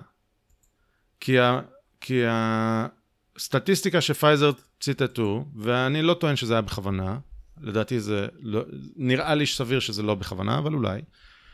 פייזר הסתכלו על שיעור חולים שנתי ב Bell's palsy, אבל בעצם הניסוי היה רק שמונה שבועות. אוקיי? אז זה אמור להיות פי שבע. כלומר, השיעור עכשיו הוא בערך פי שבע ממה שאמור להיות uh, בלס פולזי. Mm-hmm. אז להגיד לכם שעדיף לחטוף קורונה ולא בלס פולזי? לא, לא יודע. אבל, אבל זה פשוט, אני, מדברים פה על, uh, על מידע, נכון? על לדבר ברצינות, על ביקורת uh, ציבורית וכולי. אז זה, זה ממש עוד דוגמה לזה ש, שיש דברים ש, שאפילו הופיע במחקר, שלפי המחקר ולפי המספרים, אה, פי שבע, אוקיי? וכמובן מאמר אה, בכישורים. עכשיו, חוץ מהדברים האלה, יש עוד כל מיני סימנים שמדברים על הסיכון. אנחנו עדיין בתופעות קצרות טווח, כן? כי זה לא, זה לא הכל. אבל תופעות קצרות טווח, יש שתי מערכות שעוזרות לנו להבין את התמונה. בארצות הברית יש מערכת שנקראת VERS, V-A-E-R-S, שעוד שנייה אני אגיד לכם מה הראשי תיבות שלה.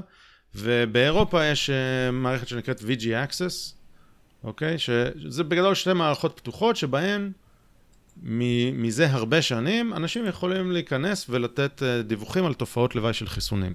מזה, מזה הרבה שנים, זה, יש שם נתונים מ-1921 לדעתי גם. כן. לא רציף, אבל... כן. Vaccine Adverse Effect uh, resource, אה, לא, לא, אני, אני אזכר עוד שנייה בראשי תיבות. הנה, Vaccine Adverse Event Reporting System, VERS. ובאירופה זה, זה VG Access. עכשיו, אירופה גם לוקחים מידע מה... ה-WHO, סליחה, לוקחים מידע גם מהוורס. ועכשיו כשמסתכלים על הוורס, אנחנו נשים אולי את התמונה שאתה ייצרת בגרף שאתה ייצרת לעצמך, בעצם רואים שמדווחות תופעות לוואי שונות מקורונה בסדרי גודל מטורפים מעל כל חיסון שהיה אי פעם. עכשיו תגידו, סבבה, זו מערכת יחסית פתוחה, רופאים בדרך כלל ממלאים בזה, ויכול להיות שפה היו אנשים אה, רגיל, שהם, שאינם רופאים שנכנסו לזה וסתם דיווחו, ואולי היה פה עודף דיווח וזה, אבל אני מדבר על זה שב-30 שנה עשינו X, כאילו ראינו בוורס X אירועים, בחצי שנה שמאז יצא החיסון ראינו גם X אירועים. כלומר, כל הדיווחים מכל החיסונים ב-30 שנה שווים לדיווחים שראינו בחצי שנה האחרונה, בוורס. כן, ייצרו את אותם מספר תופעות הלוואי, כמו בחצי שנה האחרונה, מדיווח, מחיסונים בכלל, כן, בחצי שנה כן, האחרונה. חיסונים, כל, כל החיסונים אי פעם במערכת, אותה כמות בחצי שנה האחרונה, רק לחיסון קוביד. עכשיו, עכשיו- בנוסף, יש שם כ-7,000 מקרי מוות, שמדווחים כקשורים לחיסון. האם הם קשורים לחיסון? לא יודע. בוורס, בוורס, כן. בוורס, שזה רק באמריקה. כן, בוורס, שזה, עכשיו- שזה רק באמריקה, 7,000 מקרי חיסון. עכשיו אני צריך להגיד שנייה, מקרה זה לא, מוות. זה לא, זה לא בהכרח מדווח כמקושרים לחיסון, לפי מה שאני הבנתי. אה, זה, זה פשוט לאחר החיסון, כן, איזה, אה, וזה כן. הוחלט לדו- לדווח. עכשיו, אבל מישהו דיווח את זה כמה- כ- כ- לאחר החיסון. בדיוק. כן. עכשיו אני אתן פה כמה פושבקס לדבר הזה. ב- בגדול, שוב, מה שאתה אומר, יש הרבה, הרבה מאוד מקרים של תופעות לוואי אה, בחצי שנה האחרונה, מאז שהתחילו החיסונים, נורה אדומה, אוקיי? אה, אבל, אחד, באמת אין שליטה על מי שמדווח על זה. נכון. גם אני יכול להיכנס ולדווח עכשיו עשר פעמים בגדול. אה, זה דבר ראשון. דבר שני, אה, כמובן שאין קשר, יכול להיות שמישהו קיבל חיסון ולמחרת נדרס על ידי משאית, גם. זה, יכול- להיות שמישהו מילא את זה, נכון? כן. אה, קיצור, זה לא, זה לא מידע אה, מזוקק. זה מידע כן? לא אמין. אני אהיה יותר חריף ממך, זה מידע לא אמין. כן, אבל יש פה לא חתיכת. סטייה שדורשת מחקר ובדיקה. צריך להתייחס. לזה, גם אם לפסול את זה לחלוטין. אה, זה מידע שאסור אני- לקחת אותו אה, פשוטו כמשמעו בכלל. אני אגיד, אני אגיד גם עוד, עוד איזה נק- נקודה שניסיתי, חשבתי על זה הרבה, ניסיתי להגיד איזה, איזה הסברים אחרים יכולים להיות מלבד אה, זה באשמת חיסון קורונה, כן? אז עוד הסבר שמצאתי זה, טוב, אנחנו בזמן מגפה, יכול להיות שיש הרבה אנשים ש... לא יודע, קיבלו חיסון ראשון ואז מתו מקורונה, או משהו כזה. אולי, יש כל מיני הסברים לדבר הזה. אני חושב, בכל זאת, הדבר הזה הדליק אצלי את הנורה האדומה, ששלחת לי את זה לפני, אני לא זוכר כמה זמן, זה מה שהדליק אצלי את הנורה האדומה, ואמרתי, טוב, זה חריג בצורה קיצונית, נשים את הגרף הזה שהכנתי, שאני בדקתי בעצמי, זה לא נתונים ש, שמישהו סיפק לי, זה נתונים שה-CDC סיפק לי. אה, רואים לאורך השנים, לא רואים בכלל את העמודות כי זה כל כך שטוח, ואז פתאום בשנת 2021 הגרף כאילו בשמיים. אה, זה, זה, לי זה הדליק נורה אדומה, וזה שלח אותי לחקור עוד ולבדוק עוד, ואני... זה הוציא אותך למסע. השת... כן, השת... השתכנעתי שיש פה בעיה עם החיסון הזה. עכשיו, עכשיו אני. אני אומר, אני מסכים איתך, גם אני לא מאמין לזה בכלל, אני חושב שהחשש הכי גדול זה אנטי וקסרס שגילו על המערכת הזאת ויכולים להפציץ אותה בדיווחים. נכון. ואני אומר, ברגע של החיסון יש רק אישור חירום, שזה משמעותי, כי נדבר על זה עוד מעט, ה-CDC בכלל צריך ללכת ולתת לנו תשובה על כל דיווח כזה. ואם הכל כן. פייק, אז הוא צריך ל- ל- לסגור את המערכת בצורה כזו או אחרת, לעשות את... ל- שאנשים יצטרכו להכניס את התעודת רופא שלהם, לא יודע מה. הוא, הוא צריך... לה... כי אם הכל פייק, אז המערכת לא משרתת את תפקידה, ואם זה לא פייק, אז הוא צריך לתת לנו תשובות. בגדול, ש... שישים אנשים שזה התפקיד שלהם לחקור מה קורה בווייס, כי אנחנו ב... בוורס, כי אנחנו באישור חירום. עכשיו, VG Access יש מידע יותר גדול, לא רק מארצות הברית, ויש שם מעל מיליון שש מאות דיווחים על אירועים חריגים. עכשיו תגידו, מה, היו מאות מיליונים של חיסונים ב... בכלל. נכון.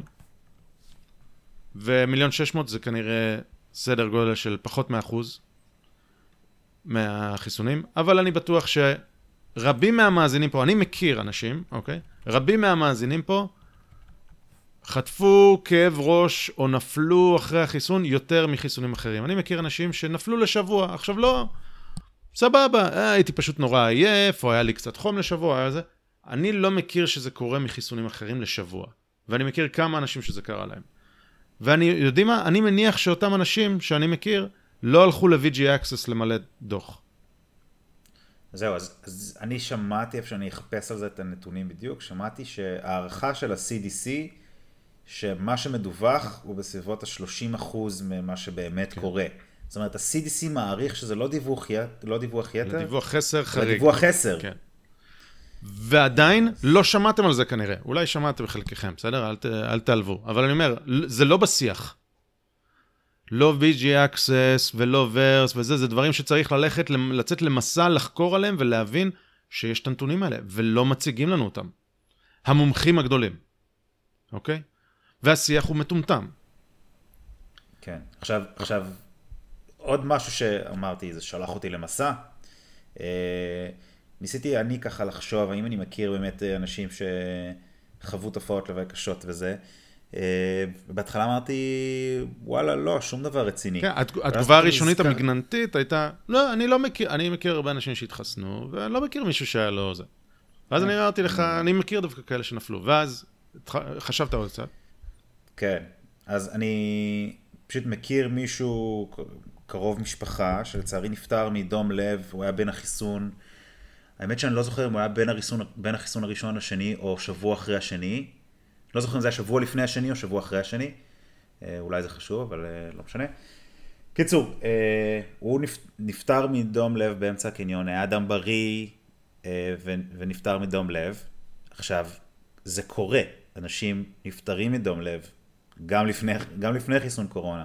אני ממש לא אומר, הנה תראו, זה קרה לי, אבל מה, ש, מה שהדליק אצלי עוד פעם את הנורה האדומה רק בדיעבד חודשים אחרי זה, זה שאמרו לי, אין קשר לחיסון, נקודה.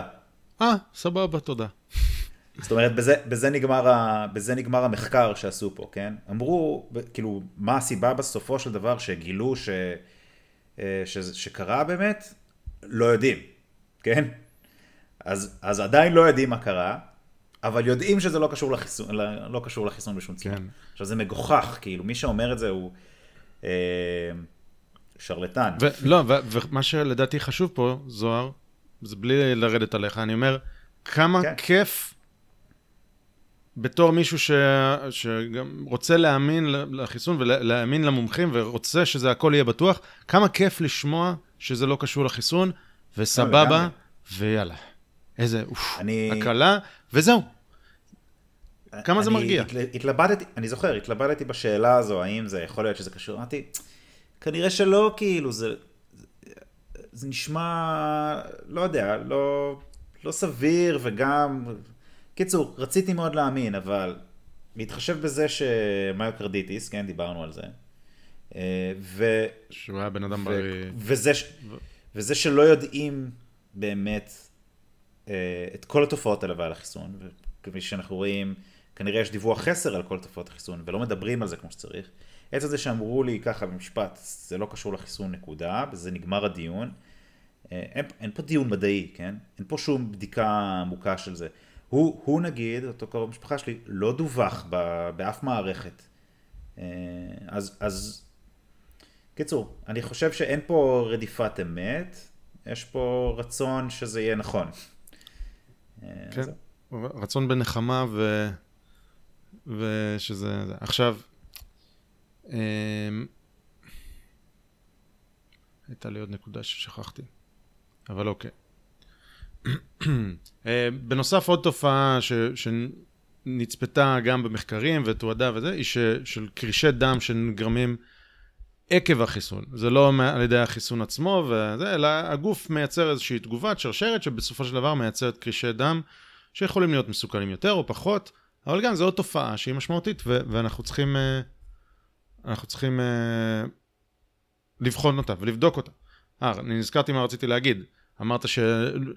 שאמרו שזה לא קשור לחיסון. אני, נראה לי שקרל סייגן הוא זה שאמר, absence of, absence of proof is not proof of absence. כלומר, okay. היעדר הוכחות זה לא הוכחות להיעדר קשר, כן? כן. Okay. Uh, ובעצם מהיעדר הוכחות לזה שזה קשור לחיסון, לא אומר שזה לא קשור לחיסון. ואם היו מחפשים דפוס, אולי היו מזהים דפוס, אבל פשוט אמרו, לא, לא קשור. פשוט לא okay. מחפשים. עכשיו בואו נדבר על תופעות ארוכות טווח. התשובה היא, שהיא אמורה להיות ברורה, שאנחנו לא יודעים אם לחיסון יש תופעות ארוכות טווח. לא, לא לווירוס ולא לחיסון. לא לווירוס ולא לחיסון. ואני פשוט היה, שבוע שעבר אני חושב, עמית סגל, שאני תופס ממנו ממש, והוא אינטליגנט וזה, עושה שיימינג ליפעת שאשא ביטון, שאני לא תופס ממנה בכלל, אוקיי? כן. ואני נאלץ להיות בצד שלה, אני חושב שהיא במקרה הזה צודקת, כנראה מהסיבות הלא נכונות, אבל אולי, אולי יודעת, אולי היא כל כך אינטליגנטית שאני לא מצליח להבין כמה אינטליגנטית בכלל, אבל היא יושבת באולפן, בערוץ 2, ואומרת שהיא לא רוצה שיחסנו ילדים בבתי ספר על החיסון. ועמית סגל כאילו תופס אותה. אומר, אבל השרה, שרת החינוך, את אמרת שאת בעד חיסון לשפעת בבתי ספר. הא got you moment. ואז היא מגיבה לו, כן, אבל חיסון שפעת זה חיסון שאנחנו מכירים, שנמצא עשרות שנים, וזה חיסון חדש. אז עמית סגל וקרן מרציאנו השדרית אומרים, אה, יצא המרצע מן השק. היא חושבת שהחיסון הזה הוא פחות בטוח מחיסון שפעת, תפסנו אותה.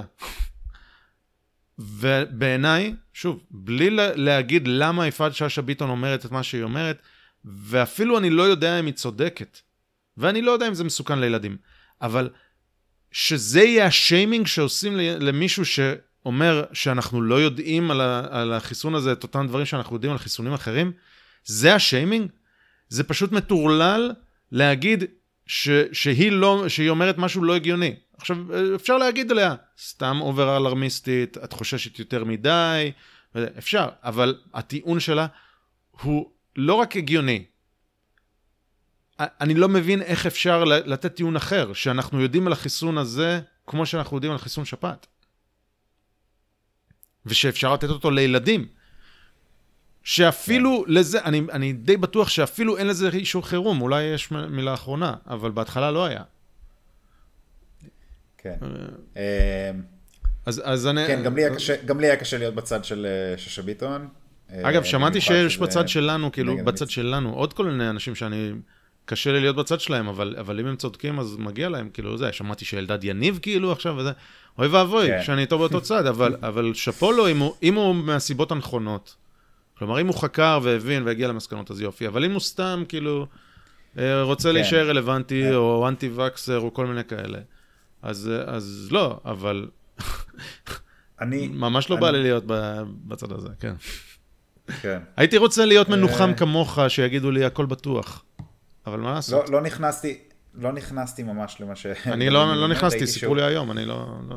כן, ראיתי שהוא uh, מדבר עם uh, רצף לוי מ-MIT, פרופסור רצף לוי וכל מיני כאלה, והבנתי, כאילו, הבנתי שזה לא מאוד רציני, כי הוא עדיין, הוא עדיין לא הוציא את הנתונים וזה, אבל אה, מעניין להיכנס... הוא עדיין לא בן אדם רציני והוא עדיין שרלטן. כן, אז לא, לא יודע מה הוא אומר, אבל כן. כן. זה שהוא שרלטן זה עובדה מדעית, אבל יכול להיות שהוא צודק במקרה הזה, אני לא יודע מה הוא אומר. באופן כללי, האיש כן. שרלטן. יופי.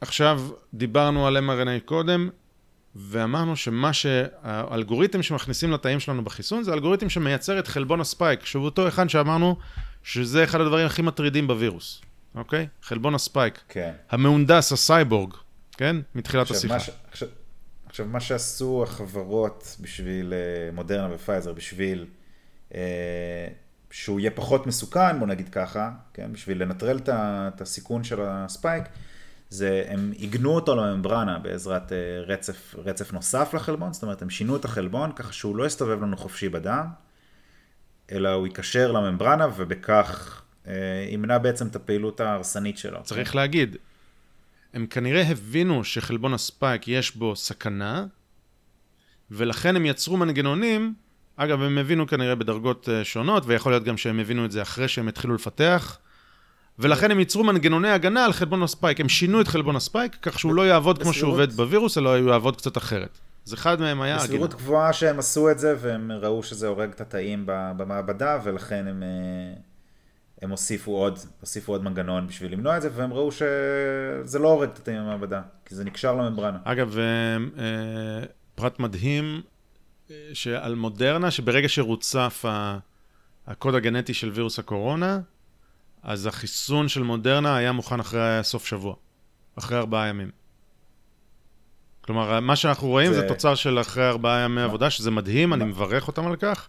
כן, ואז הם עשו מחקרים שזה- וזה, וזה מדהים, וזה, וזה פשוט, אני, אני חושב שזה... האמת שזה זה מה שמדהים מדהים. ב-mRNA, כן. כאילו, כי זה באמת מאוד קל לעשות. ו- והטענה שלי, היא שבאותם ארבעה ימים זה מדהים היכולות אינדוס של זה, כל הכבוד טכנולוגיה מטורפת, אבל זה גם די הוכחה לזה ש...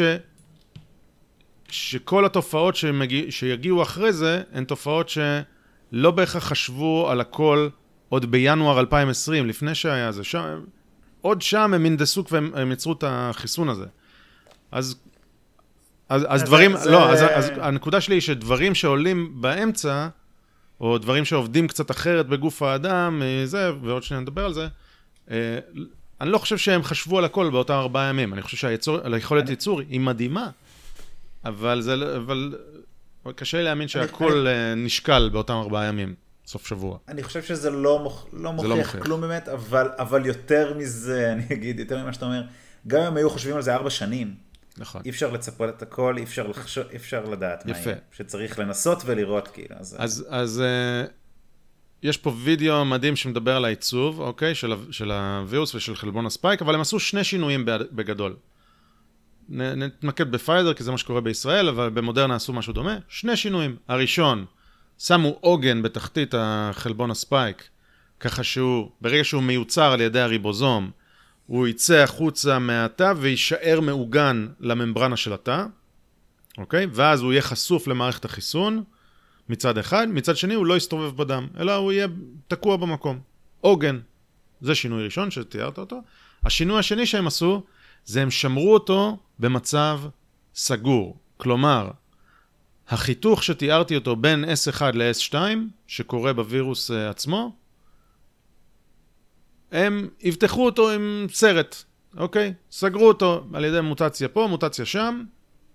אה, שהוא לא, שהוא לא יוכל האזור חיתוך להיפתח. לא יהיה חשוף. כלומר, ש-S2 לא ייפרד מ-S1, וככה הוא לא יוכל לחדור גם לתאים. בעצם הוא יישאר מקופל, אוקיי? כן. וחוץ מזה הם עשו עוד איזה שינוי, הם שכפלו את S1 עוד אה, שלוש פעמים, שהוא יהיה יותר חשוף וזה. אני, ואני אומר, ו- כל השינויים האלה, מי שמכם לדעת מה קורה ברקמות שונות בגוף, התא, בגוף האדם? ו... לא, הם לא, הם לא, הם, לא, אחלה של חשבו- רעיונות. זה- זה מדהים. אחלה רעיונות. ואז הם הלכו ובדקו. לא, בסדר. ככה עושים את זה. נכון, אני אומר, אחלה רעיונות, אחלה, אבל זה לא שאתם יודעים להגיד שאם יזריקו את זה אליי, בן אדם ממוצא רומני, קרואטי, זה אותו דבר כמו להזריק את זה לבן אדם ממוצא פיליפיני, ואם אכל, אם שתיתי קוקה קולה, האם הגוף שלי יגיב באותה צורה אם שתיתי מיץ תפוזים? אני לא כאילו, להגיד לך, אני, אני קצת שרלטן פה, אבל אני אומר, אני רק רוצה לה, להצביע על זה שאנחנו לא יודעים כלום על הדברים שקורים, שקורים כל הזמן בזמן אמת וזה. אנחנו יודעים מחקרים, מנסים לעשות חיתוכים, מנסים לתצפת. אנחנו לא יודעים מה קורה אלפי ומאות אלפי ומיליוני פעמים בתוך רקמה אנושית חיה, חיה ו... ונעה וזזה, אנחנו לא יודעים את כל הפרטים שקורים שם. זה, זה, זה יומרני להגיד, הנה, החלבון ייווצר, יצא החוצה, יהיה מעוגן, לא ייפתח, והכל. ו- ואגב, עוד, הזה נכון עוד, לכל עוד מילה, ואני אתן לך. אני, אני אתן לך כן. עוד מילה. החלבון הוצב במצב סגור, השיקולים, עד כמה שאני מבין, אפילו לא היה שיקולים של בטיחות, הם היו שיקולים של ככה נראה הווירוס כשהוא מגיע לפני שהוא פוגש תא, וזה יהפוך אותו ליותר קל לזיהוי. זה אפילו לא היה שיקול בטיחותי, השיקול הבטיחותי הוא כאילו בונוס. כן, אוקיי. עכשיו רצית להגיד על כל תרופה? אני אומר, זה, זה, מה שאתה אומר זה נכון לגבי כל תרופה, יותר מזה, זה נכון לכל מה שאנחנו אוכל, אוכלים גם כן, ושותים. לא מסכימים כן? על אוכל. וזה נכון, אנחנו באמת לא יודעים כלום, ובגלל זה הולכים ועושים ניסויים עם עשרות אלפי אנשים, ורואים גם אנשים ממוצא כזה וגם אנשים ממוצא אחר, ובגלל זה לא נותנים את זה בהתחלה לילדים ולא לנשים בהיריון, וזה, הדרך היחידה שלנו לדעת זה תצפית, על הכיפאק. ולעשות ניסויים כמו שצריך. על הכיפאק. אז, אז יכול להיות שזה נראה זה, אבל אז, מה שרואים ככל הנראה, מאז שהתחלנו לתת אותו, ומאז שיש אישור חירום, ששוב, התכנון הוא שה, שהספייק יהיה תקוע במקום, יישאר אצלכם בזרוע, לא יזוז לשום מקום, אתם תישארו בטוחים, והגוף ילמד את, ה, אה, על הספייק, ייצר נוגדנים, הכל טוב. זיכרון אה, של מערכת החיסון, וזהו, ואז הספייק ימות וניצחתם. אבל מה רואים מאז? שנראה שזה לא בדיוק עובד כפי שציפינו. כי זיהו במינונים קטנים, זיהו רסיסי חלבון ספייק וחלבון ספייק עצמו ו-S1 בדם. מחקר, חלק מהמחקרים הם על עכברים, חלק, אה, חלק לא, אבל מזהים שהנה יש פה חלבון ספייק למרות שהוא אמור להיות תקוע במקום, אופס, הוא בזרם הדם. ואמרתי לכם, ה-S1 הוא גם עובר את, אה, את מחסום הדם מוח, נכון? אני לא רוצה את S1 מסתובב אצלי בדם. עכשיו זה ריכוזים קטנים, אולי זה בכלל לא משנה, אני לא יודע. הנקודה שלי היא כזאת, קיבלתם אישור חירום, ואתם בעצם נמצאים עכשיו בשלב שלישי של אישור חיסונים, יש ארבעה שלבים לפיתוח uh, תרופות, ואתם בעצם נמצאים בשלב שלישי שעדיין ממשיכים לאסוף דאטה, ובכל שלב uh, אמורים כאילו להציג את הדאטה ולעצור. אם לא הייתם באישור חירום, בשלב השלישי, ברגע שלכאורה החיסון לא עובד כפי שתכננתם, תכננתם שהוא יהיה מעוגן, הוא לא מעוגן, עוצרים. זהו. זה אמורים לעצור, כי זה לא עושה את מה שחשבתם שזה עושה. האם זה עושה נזק? לא יודע. ניתן לחשוש, אבל, אבל הנקודה היא שהתהליך אומר שצריך לעצור, כי אנחנו צריכים להיות זהירים. עכשיו, כן. יותר, אוקיי, אחרי כל זה, אנחנו כבר... אה, אנחנו עוד שנייה נגיע. אז מה כן? אתם אומרים כל הזמן איזה זה, אבל מה כן? עוד שנייה, אנחנו מיד מגיעים. הדבר היותר מטריד בעיניי, או יודע, לא, יותר, לא יודע אם יותר מטריד, אבל כל הנושא של החיסון וההתייחסות החד-ממדית לזה שההתמודדות עם מגפה מתבצעת רק על ידי חיסון, היא, היא די מטורפת. השפעת הספרדית הרי לא מתה עם חיסון, פשוט מתה. ולהילחם במגפה צריך אמצעים מסוגים שונים בעיניי. אני לא אכתוב ספר איך לנצח מגפה, אבל להגיד, הנה, חד-ממדי, חיסון שנותן הגנה צרה, אה, זה, זה, זה הדרך ויופי, שלום על ישראל. ראינו שלא. גם נתניהו אומר, ניצחנו פעם ראשונה את הקורונה והממשלה הרעה הזאת הרסה. עובדה, לא ניצחת את הקורונה, היא חזרה בצורה אחרת. אז צריך אמצעים שונים, ואנחנו עוד שנייה נדבר על איזה עוד אמצעים. אבל הנקודה היא שזה מרוץ חימוש עם וירוס. נתתם חיסון שהוא צר יותר מהחיסון הטבעי, כי מי שחלה בווירוס יש לו חיסון רחב יותר, ואנחנו רואים את זה היום, זו עובדה, כן? עובדה שאפשר uh, להוכיח שהיא שגויה, אבל כרגע זו עובדה uh, מוסכמת, כאילו עובדה מדעית שאפשר להפריך אותה, uh, שאלה שחלו לא נהיים חולים שוב במספרים מכריעים, אוקיי? ואלה שקיבלו חיסון, כן נהיים חולים. לכן החיסון... החיסוניות שנותנת לך זה שהיית חולה היא רחבה יותר. אנחנו באים, שמים חיסון צר, חלקי, או חיסון, חיסון צר זו המילה הנכונה, על ידי חיסון, בווירוס שנמצא, מסתובב באוכלוסייה במספרים גבוהים, ובעצם נותנים לווירוס אלפי הזדמנויות לעשות מוטציה, לעקוף את החיסון. אנחנו בעצם, כל הפרויקט הזה של החיסון, תוך כדי שהווירוס משתולל, זה בעצם gain of function באוכלוסייה. לא בכוונה, אבל אנחנו פשוט מספקים כר פורה לווירוס להתחסן, ל- לעשות אבולוציה, וגם זה קשור לזה שהוא דלף ממעבדה, כי הווירוס הגיע בצורה מסוימת, ובגלל זה יש הרבה וריאנטים, כאילו זו אחת ההשערות, שמדוע יש כל כך הרבה וריאנטים. כי זה לא וירוס שעבר מוטציה כבדה והגיע למקום שהוא מדביק בני אדם. זה וירוס שנולד מדביק בני אדם. ויש לו הרבה כן, מקום ה... למוטציות. אם הוא באמת בא ממעבדה, אז הרעיון של ה... בכלל של המחקר הוא בשביל למנוע, אה, ללמוד על הווירוס הזה בשביל למנוע מקרה של הדבקה המונית ווירוס מסוכן, כן? זה כל הרציונל מאחורי בכלל לעשות מחקר כזה. אז הם ניסו לעשות וירוס שתוקף בני אדם בשביל למנוע את זה, וכנראה הייתה בסוף איזו דליפה או משהו, כן? אה, זה, זה לפחות מה שמצביעים רוב המצביעות העדויות. אה, חשוב לי רק להגיד, לחדד כאן משהו בנוגע למה שאמרת. אה, אני לא יודע כמה טכני להיכנס, אבל בגדול, מוטציות, אז הן קורות תמיד, כן? גם כשאתה מחוסן וגם כשאתה לא מחוסן. ואז אה, עקרונית, דווקא כשאתה, דווקא כשאין חיסון, אז יש לווירוס יותר הזדמנויות לעבור מוטציה, בגלל שיש יותר ממנו באוכלוסייה, אוקיי? אה, העניין הוא שאם לא, אתה... אבל אנחנו היינו- הגשנו את החיסון בזמן שהיה הרבה באוכלוסייה. לא, זה, זה כן. בסדר, זה עדיין, זה מוריד, זה מוריד את כמות הווירוסים באוכלוסייה, אוקיי. כי, כי בסופו של דבר הגענו לשלב שבו היו, אם אני לא טועה, חמישה, חמישה מקרים ביום, כן? זה, אנחנו מורידים את כמות הווירוסים שיש.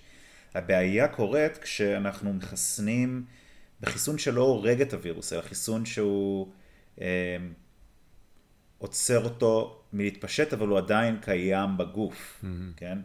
ואז בעצם מוטציה מסוימת, בואו ניקח שני מקרים, כן? אני לא, אני לא אכנס מאוד טכני וזה, אבל ניקח שני מקרים. מקרה אחד, בן אדם לא מחוסן, חוטף את הווירוס, הווירוס עובר מוטציה, הווירוס שעבר מוטציה, אין לו שום יעילות, הוא לא יעיל יותר, אין לו שום benefit על הווירוס האלפא הרגיל, כן? אה, ולכן, מה שיקרה זה שהחיסון הזה יפסיד במלחמה לווירוס שהוא גם ככה יעיל, לאלפא, כן? ואז הווירוס הזה ימות, המוטציה תמות, והווירוס אלפא ימשיך אה, לשגשג, והוא זה שימשיך, כן? אה, מקרה שני, אותו וירוס אלפא בתוך בן אדם מחוסן, אם הווירוס עבר מוטציה, ועכשיו המוטציה הזו במקרה נותנת איזושהי יעילות נגד החיסון, אז עכשיו הווירוס אלפא ימות, והווירוס המו... שעבר, הווריאנט בעצם, יש לו פה יתרון ברור, כן. ואז הוא ישגשג. אז בעצם אנחנו עושים סלקציה חיובית בדיוק. ל- למוטציות נגד החיסון. כן. אז זה, זה- זה ה gain of function, נכון כאילו. כן. ה gain of function טבעי, כאילו, שקורה. וזה בעצם נכנסנו זה, למרוץ זה נכון רק לווירוס, זה נכון רק לחיסונים שהם לא מחסלים את הווירוס אה, בשלב מהיר, וכנראה זה מה שקורה עם, ה, כן. עם החיסון של פייזר. והנה מחקר שלא קשור לקורונה מ-2015, שכמובן יהיה בכישורים פה, שאומר, imperfect vaccination can enhance the transmission of highly virulent pathogens. בעצם, בדיוק אומרים את מה שאמרת. אנחנו עושים פה אה, האצה לתכונות המסוכנות של הווירוס. חיובית. סלקציה חיובית. וזה מרוץ חימוש עם, עם האבולוציה, שאנחנו מכירים את זה מחיידקים ואנטיביוטיקה. זה לא, אנחנו לא ממציאים פה. וזה מרוץ חימוש, אגב, שכרגע האנושות בדרך להפסיד אותו. אה, אלא אם כן אנחנו נפתח דברים חדשים, אני מאמין שכן נפתח דברים חדשים, אבל, אבל אה, יש לנו בעיה בעולם הבקטריאלי. אה, אוקיי, ואנחנו רואים שיעילות החיסון יורדת, דיברנו על זה, יש מחקרים שהם על דאטה בישראל שמראים 39 אחוז, זה מידע כבר מלפני ש- ש- כשבועיים, אז אולי מאז הדברים השתנו. ו... זה, אתה- זה אתה מתכוון נגד הדלתא, נכון? נגד הדלתא או יעילות החיסון בישראל. כלליות. אני לא, לא יודע שהכל זה דלתא. אה, ראש, כן. ראש הממשלה אומר מגפת הדלתא, דלתא, אני כן. לא יודע שזה מגפת דלתא. אני יודע שזה קורונה ואולי זה חלק דלתא, אולי חלק לא, אני לא יודע. זה כולל את הדלתא, כן. עכשיו, בסוף יש פה איזה מאמר, וזה קצת יהיה יותר שנוי במחלוקת. אומר, אה, אומרים אה, אנשים רבים, טוב, אפשר להידבק, אבל לפחות אם אתם מחוסנים, התסמון... התס... תסמו... נו, התסמינים, כמו... לא תסמונים, כן. התסמינים יהיו הרבה יותר קלים, ואתם, הסיכוי שלכם להתאשפז יהיה נמוך יותר כמות והכל. הווירוס בגוף תהיה נמוכה יותר, ולכן התסמינים יהיו נמוך, אה, חלשים יותר, ואתה תח- תחלים מהר יותר, זה- זו הטענה שלך. ואני מפנה אתכם למאמר, שיהיה פה בכישורים, שאם אתם רוצים לחפש, שאני, uh, הקישור יגיד ההגנה שהחיסון מספק אם נדבקתם, אוקיי? מאמר של uh, מישהו ש, שיש לו איזה שם אינטרנט כזה, דוקטור רולרגייטור, לא משנה. מאמר לדעתי מאוד מעניין, שלוקח את הנתונים של משרד הבריאות הישראלי. ואז הוא אומר, חבר'ה, מציגים את המידע בצורה מגמתית ושגויה, הנה הכשל הלוגי, והנה איך זה אמור להיות, ובעצם אם נדבקתם, הסיכון שלכם מהמחלה לא יורד. כלומר, יש פה- ירידה גדולה ב- ב- בסיכוי שלכם להידבק, וברגע שנדבקתם, אין ירידה. ואפילו הוא טוען שמסתכלים בצורה מותנית. מסוימת, יש עלייה במסוכנות אליכם. כי אם נדבקתם, אתם אה, אה, פגיעים. ואם לא נדבקתם, אז זה אומר שאתם אלה שלא הייתם אמורים למות גם ככה מהווירוס, כי כ- כנראה, בסדר? לא משנה, זה, זה לא בדיוק מה שהוא אומר, אני, חבל ש, שאמרתי את המשפט הזה, אבל בגדול הוא, הוא מראה ש, שההגנה מסופקת על ידי אי הדבקה, ואחרי שנדבקתם, אתם נמצאים באותו סיכון, כמו אם לא הייתם מחוסנים. וזה לפי יש פה, סטטיסטיקות אה, של משרד הבריאות הישראלי, מאמר על, על אה, ישראל, המאמר באנגלית, אבל זהו. כן, יש פה, אה, אני חושב שיש פה כשל לוגי באמת בנתונים, ולא איזה משהו מגמתי או בעייתי. יש פשוט סבירות מותנית שלא יתנו נכון, אותה. בדיוק. אה, פשוט עשו, אה, פשוט מציגים את זה בצורה שהיא לא... מתמטיקה, מתמטית שגויה, לא, זהו. אז, אז, אז המשפט, אה, אתם תאכלו פחות אם חטפתם את המחלה, הוא לא נכון. המשפט, אם אתם תאכלו פחות אם התחסנתם, נכון. אתם תאכלו פחות אם התחסנתם וחטפתם את המחלה, לא נכון. נ- אה, זה מה שהם... נהיה זה מה זהירים ונגיד, אם הנתונים שם נכונים, אז אז זה- אז זה זה מה לא נכון. שהנתונים מראים. כן. כי הוא הוא לוקח את הנתונים ממשרד הבריאות, ושוב, זה בין אה, מספר שבועות, אז אז אולי מאז השתנו דברים, אבל... אוקיי, עכשיו, שיחה מאוד מדכאת, זוהר. וחיסונים, וספייק, S1 וזה, יופי. מה אתם רוצים? מה אנחנו יכולים לעשות? אנחנו... עדיף להיות זהירים, בואו ניקח את החיסון.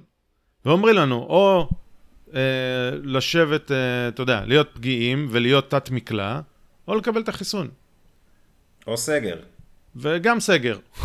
גם חיסון, גם סגר, גם מסכות, גם הכל. מה נעשה? יש לנו רק חיסונים, רק חיסונים יצילנו.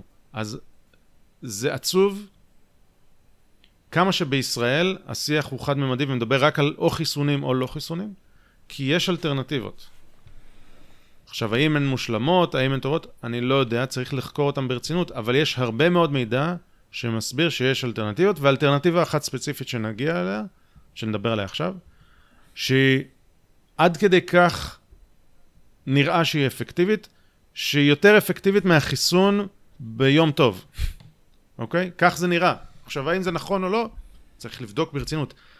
ואנחנו מדברים על תרופה שנקראת אייברמקטין. עכשיו, אני אמ- אמרתי לך, לא שמעתי אף אחד מדבר על זה בעברית, ברמה שאני לא יודע אה, אם לקרוא לזה אייברמקטין, כמו שקוראים לזה באנגלית, או לקרוא לזה איברמקטין. אני אפילו לא שמעתי אף אחד מדבר על זה בעברית. אז אמרתי לך, אני לא שמעתי אף אחד אומר את זה, אבל קראתי על זה קצת, ויש יש קצת התייחסות לדבר הזה, אה, ואני בטוח שיש אנשים, אם הם יתעניינו בזה, שיגידו עכשיו, ושומעים אותך מדבר על זה, אוי, נו באמת, השנה." זה הוכח מעבר לכל ספק שזה לא עושה כלום. אז לא, זה לא הוכח מעבר לכל ספק, ו... בוא, בוא נדבר קצת, כאילו, נתונים, דברים, בוא, בוא נראה דברים, ו- ואם מישהו רוצה, שוב, להציג נתונים אה, הפוכים, אז. אה, אז נשמח, נשמח, כן. אז, אז אמרנו, כשמדברים על טיפול במחלה, שלושה אלמנטים. אתה אמרת שניים וזה, אבל אני אמרתי שלושה. prophylaxis, כלומר, הגנה מהידבקות, טיפול, treatment, הגנה מתסמיני המחלה, ו safety, בטיחות. אלה שלושת האלמנטים. עכשיו, מה זה האיברמקטין? האיברמקטין, בלי לצלול יותר מדי, תרופה, גילו אותה באיזושה, בש, באדמה ביפן, אם אני לא טועה, לפני כ-40 או 50 שנה, והתחילו להשתמש בה למחלות טרופיות, ומשתמשים בה המון בעולם השלישי ובאזורים טרופיים, כנגד מחלות בקטריאליות. משתמשים בה כבר... נגד, נגד טפילים, טפילים, כן. אה, גם, גם נגד תולעים. זה ו- נגד- כן. אה, זה לא אנטי-ויראלי, לא תרופה אנטי-ויראלית, אלא טריפ, תרופה אנטי-בקטריאלית, או טפילית או וכו'. ומשתמשים בזה כבר עשרות שנים, כ-40 שנה. האם יש לנו מידע על הבטיחות? כן. נתנו את התרופה הזאת כמעט 4 מיליארד פעמים ב-40 שנה האלה. ואני כמרשם. חושב שזה במרשם, לא יודע להגיד שבכל מדינה זה במרשם, אני- אבל, אני- אבל אני כן, חושב, זה, אני בארצות שזה- הברית זה במרשם. אה,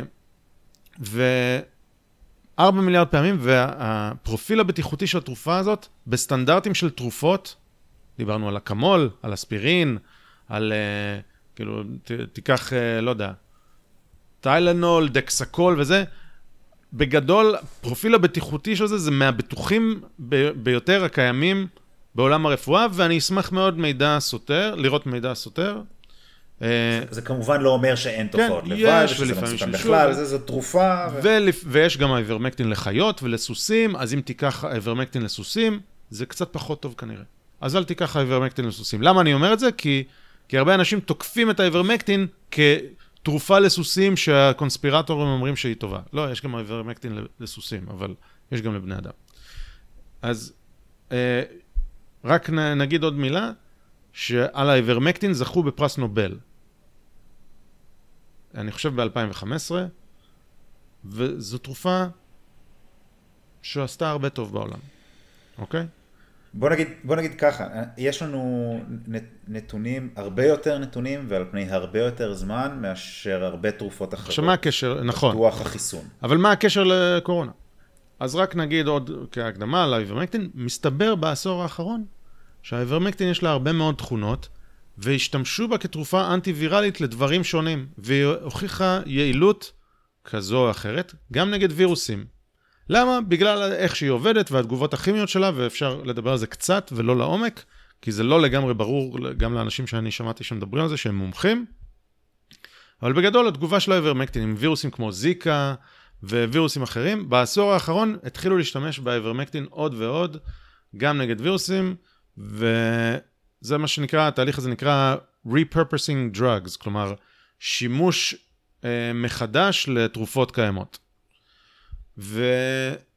וזה קרה לפני קורונה. ועכשיו בקורונה, אה, בשנה וחצי האחרונות, ודי מוקדם, פתאום אה, מתחיל לצוץ אה, מידע על זה שיש כל מיני רופאים בחזית, שמתמודדים עם, עם אה, מצב מאוד מאוד קשה בבתי החולים, שמשתמשים בפרוטוקולים שונים באיברמקטין, ויש לזה, לזה הצלחה מעולה.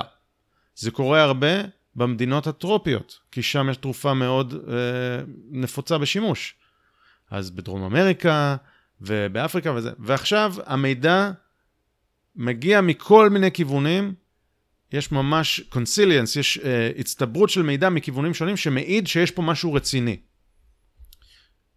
אה, ואני אתן דוגמה למחקר שהיה בארגנטינה, שאפשר לבקר אותו, אפשר להגיד, אה, פה הם טעו במתודולוגיה וזה, אבל זה מחקר שאי אפשר להתעלם מה, מהתופעות המדהימות שלו, התוצאות המדהימות שלו. עובדי רפואה, צוות רפואה בארגנטינה, אה, אני רוצה להגיד את המספרים המדויקים, אבל, אה, אז אני פותח את זה. אז אה, כ-1,200, אני לא אגיד את המספרים המדויקים, אני אגיד בערך, כ-1,200 עובדי צוות רפואה רצו לבדוק איך האיברמקטין עוזר להם, אז נתנו האיברמקטין אה, אה, לקבוצה אחת של 800 מהם, ולא נתנו אה, לקבוצה, לקבוצה אחרת. אגב, זה היה שילוב של האיברמקטין וקרגן או משהו כזה, אז הפרוטוקולים פה הם שונים, אבל אני רק רוצה להגיע לתוצאות. 800 אנשים עם האיברמקטין, עובדי רפואה, וכ-400 אה, אנשים לא, עובדי, לא, לא קיבלו איברמקטין. מבין ה-800 אנשים, אפס נדבקו בקוביד. אפס. ומבין הקבוצת ביקורת, הקבוצה השנייה, נדבקו כ-56% מהם, אני חושב. אה, רגע, אני רוצה באמת לא להגיד אה, נתונים שגויים, מבאס אותי שאני לא זוכר. אה, עוד שנייה אני אגיד בדיוק. אבל, אבל התוצאות הן משמיטות, שומטות לסת.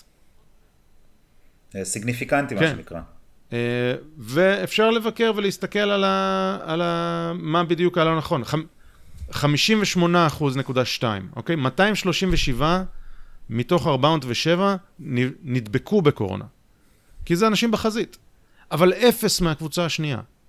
זה נתון מדהים שאי אפשר להתעלם ממנו וצריך לנסות לשחזר את המחקר הזה שוב ושוב ושוב ושוב ושוב. כי נראה שכפרופלקסיס, כמונע הדבקה, האיברמקטין הביא פה תוצאה מדהימה. עכשיו, כן. הפרוטוקול הוא מאוד משפיע, כמה, כמה מיליגרם לקחת, האם השילוב של שתי התרופות האלה, האם רק תרופה אחת יש פה הרבה מה לחקור, אבל כן. זה לא זה. עכשיו, זה רק מחקר אחד, אחד, כי יש עוד המון, ובין השאר יש מחקר מאוד מוקדם מישראל. כן. מבית החולים אה, שיבא, שיבא. כן, אוניברסיטת תל אביב ובית חולים שיבא במלוניות קורונה. הם עשו את זה עוד בשלב באמת מוקדם, נראה לי במרץ 20, אה, והם נתנו את זה לא כמונע, אלא בגלל שזה במלוניות, אז נתנו את זה למי שכבר יש לו קורונה, כ- כ- כמפחית את התסמינים, אה, והם נתנו את זה, אם אני לא טועה, שישה ימים אחרי הופעת תסמינים ראשונים או הבדיקה החיובית, אה, ו- והם ראו התוצאות היו מאוד חיוביות, כן? אני אפילו, אני, אני יכול לתת מספרים, אבל זה כאילו לא, לא מספיק מעניין אותי כמה זה היה יעיל, כי זה פשוט פותח פה פתח לעוד מחקר. זאת אומרת, יש כאן משהו שהוא כנראה, יש, יש פה בשר, צריך לחקור עוד. המחקר הזה נעשה על, על, על עשרות, אה, עשרות אה, מקרים נראה לי, עשרות אנשים. לא זה פרופסור אלי שוורץ מבית החולים שיבא, והוא פשוט, אה, לדעתי, הוא ראש תחום מחלות טרופיות, ולכן הוא מכיר ממש את התרופה, כן. ואז הוא עשה את זה. והוא ממש רואה שהמת, שהמטען הוויראלי של אלה שהוא נתן להם יורד, ויותר מזה, הוא לקח דגימות תח הזה ושם את צלחות פטרי, וראה איך התרביות שיש בהן האיברמקטין פשוט הורגות את, ה, את, ה, את הווירוס, הורגות הקורונה גם בצלחת פטרי, כלומר גם אחרי זה, פשוט כל הממצאים מצביעים לזה שזה עובד. זה היה כטיפול. ויש כן. מטה... עכשיו, כן. עכשיו אומרים, רגע, עכשיו אומרים, זה משנה, אם, גם כן, כמו שאמרת, משנה אם נותנים את זה 24 שעות אחרי, או עם שישה ימים, יש כל מיני מחקרים שמראים שהאיברמקטין לא יעיל, כן? כן. אבל, אבל שם הם נתנו הרבה פעמים את זה כשבועיים אחרי שהתסמינים, או יותר. מינון וזה, קטן, עכשיו, מינון גדול, אה, הפרוטוקול מאוד עכשיו, משנה, כן. עכשיו, עכשיו זה, זה חלק מהנקודה, הפרוטוקול מאוד משנה, וזה שיש מחקר כזה או אחר שמראה שזה לא נכון, זה חוזר למה שהצגת מקודם, אה, היעדר של הוכחות לא, לא מראה על... של... על כן. או הוכחה שכן. קיצור, התבלבלתי כן. שם. absence of proof לא is מספיק. not proof of absence. זה, זה לא מספיק. זה שיש מחקר שמראה שזה, כן. זה לא מספיק להראות שזה, שזה באמת לא יעיל. ו, ויש כאן שני מחקרים שהצגנו עכשיו שמראים שכן יש פה משהו, ושווה לחקור את זה לעומק, ומה שבאמת אה, משכנע זה מה שאתה הולך לדבר עליו עכשיו. אתה יכול לדבר על זה. אוקיי, אז מטה מחקר, כן? meta analysis. אה, אז אני, אני מדבר על טס לורי, אה, שהיא מייעצת לממשלה הבריטית בנושא. דוקטורית רצינית, והיא, כן. כן. היא, היא לא היא, לבד, כן. היתרון של, של meta analysis זה שכמו שאמרנו, יש בעיות בפרוטוקול, ויכול להיות פרוטוקולים טובים יותר, פרוטוקולים טובים פחות, ויכול להיות שכאן זה doub, מחקר שהוא double blind, וכאן זה מחקר שהוא לא. הרעיון ב meta analysis זה שלוקחים את כל הנתונים האלה ביחד, כל המחקרים, ועושים אנליזה על כולם, ואז אם אה, מחקר אחד יש בו בעיה אחת, ובמחקר אחר יש בעיה אחרת, זה אמור לאזן אחד את השני. אה, ולכן, ולכן meta analysis הוא, הוא כלי מאוד יעיל להבין אה, כיוונים, להבין טרנדים. אה, במחקרים. זה הסטנדרט כאלה. הכי גבוה לצורך העניין של האקדמיה. אם עושים את זה נכון, כן? אבל המטה מחקר יש בו עשרות מחקרים, המטה מחקר המדובר של טס לאורי, עשרות מחקרים שמראים את זה, ו, ואפשר, והיא עשתה את זה, איפה שהייתה ביקורת על איזה מאמר, על איזה מחקר, אז היא אמרה, טוב, אני אנטרל את המאמר הזה, מנטרלת, ועדיין היה... התוצאות מדהימות. היה את המחקר במצרים, במצרים, שהיה כן. חש... חשש לגבי האמינות שם, או איזה בעיה. היא פשוט השמיטה את הנתונים של זה. זה לא שינה כלום. שינה זה, קצת. זה שינה, זה שינה, וזה גם, גם היה על איזה מחקר ספציפי, שאני לא זוכר מה בדקו שם, אבל היו רק שלושה מחקרים כאלה, אני לא חושב. לא זוכר, אבל בגדול, אה, בגדול הם מדברים על מעל 80 אחוז, על בין 86 ל-89 אחוז, זה השינוי אגב, זה. יעילות כפרופלקסיס, כמונע הדבקה, 86 אחוז. גם ואל מול וריאנטים והכל, כי נראה שהאיברמקטין, המנגנון שלו, זה שהוא תוקף את חלבון הספייק ונקשר אליו, ובגדול מונע את הפעולה שלו, מונע את הקליבג', מונע את הזה. עכשיו, לא יודע איך זה עובד בדיוק. יכול להיות שזה כן מה שאמרתי, ויכול להיות שזה משהו קצת אחר, אבל נראה שהיעילות אל מול הווריאנטים הרבה יותר גבוהה מה-40% שדיברנו קודם על החיסון, שגם זה, אני לא יודע אם זה הנתון, אבל כרגע זה הנתון שאני יודע לעבוד איתו. ו- ויש יותר ממטה מחקר אחד, ויש הסברים על המטה מחקר, ויש גופים של מומחים מכל העולם שמדברים על האיברמקטין ואיך משתיקים אותנו ולא יאומן, ויש ארגונים של רופאים, כמו ארגון FLCCC, שזה רופאים מהחזית, אה, אני גם פה ראשי תיבות, אני ניסיתי לזכור אותם לפני, לפני הפרק, אבל אני לא... Frontline, כן, COVID-19, Critical Care Alliance. עשרות רופאים שפשוט מתאגדים ואומרים, חבר'ה, יש פה... אה, משהו. יש פה משהו שאנחנו נותנים אותו. בתור רופאים, שיקול הדעת הרפואי שלנו הוא שאנחנו יכולים לתת אותו ואנחנו נותנים אותו, וזה טיפול וזה עובד. ו... עכשיו, עכשיו זה מתקשר למה שדיברנו על, אה, על חיסון, על מתן חיסון שלישי, כן? 40 אה, אחוז מהמומחים בוועדה של משרד הבריאות המליצו לתת את החיסון השלישי בהיעדר סיכונים, כן. כן? עכשיו, זה מתקשר, אז מה הסיכון בלתת אייברמקטין? הסיכוי הוא תופעות הלוואי של אייברמקטין שאנחנו יודעים מה הם, כן. אה, כי זה כבר ניתן במשך הרבה מאוד זמן, אז הסיכון הוא לא מאוד גדול, במיוחד אם משווים את זה קטן. לקורונה כן. עצמה. כן? במיוחד אם משווים את זה לווירוס. וגם אם זה לא יעבוד. והתוצאות, כן, היעילות, אז אפשר, אנחנו חושבים שיש כאן משהו, יכול להיות שאין, יכול להיות שאנחנו טועים, אבל, אבל צריך אז לבדוק, ובינתיים הם מטפלים פה מגפה, כן? הם הרופאים, נותני frontline... כן, FLCCC. קר, whatever, כן. עכשיו, תדמיינו רגע, תעצרו ותחשבו, האם זה פעם ראשונה ששמעתם על האיברמקטין? ואם התשובה היא כן, האם זה לא מפחיד אתכם שלא שמעתם על זה שנה וחצי לתוך מגפה, שבה המגפה חוזרת אחרי שנתנו את החיסון וחשבנו שנגמר וזה, ועכשיו הולכים לשוב סגרים ו- ו- והכל, ולא מדברים איתכם על האיברמקטין כאופציה להילחם במגפה, כשאנחנו אומרים, כשאנחנו אומרים לכם שיש סימנים שזה 80 ומשהו אחוז יעיל? עכשיו, זה לא מפחיד? אני רוצה, זה, זה מפחיד מאוד. זה, זה טירוף, זה כאילו בעיניי, זה צ, צריך לדבר על זה, לא יודע, כמו שמדברים על החיסון, צריך לעשות שוב את הניסוי הזה שעשו בארגנטינה, ו... וצריך כן. לעשות, ואולי זה משתלב עם החיסון, והם ביחד יוצרים דבר מופלא וזה, אבל לא בדקו את זה בכלל, רק אם אתה מעלה את זה, אז יש אנשים שאומרים, אוי נו, שוב אתה, ו... ואומרים שאתה... ויש פרוטוקולים שמראים גם כפרפלקסיס, אולי אתה יכול לקחת את זה אפילו פעם בחודש או פעמיים בחודש. עכשיו, זה לא שאני רוצה לעשות את זה, וזה...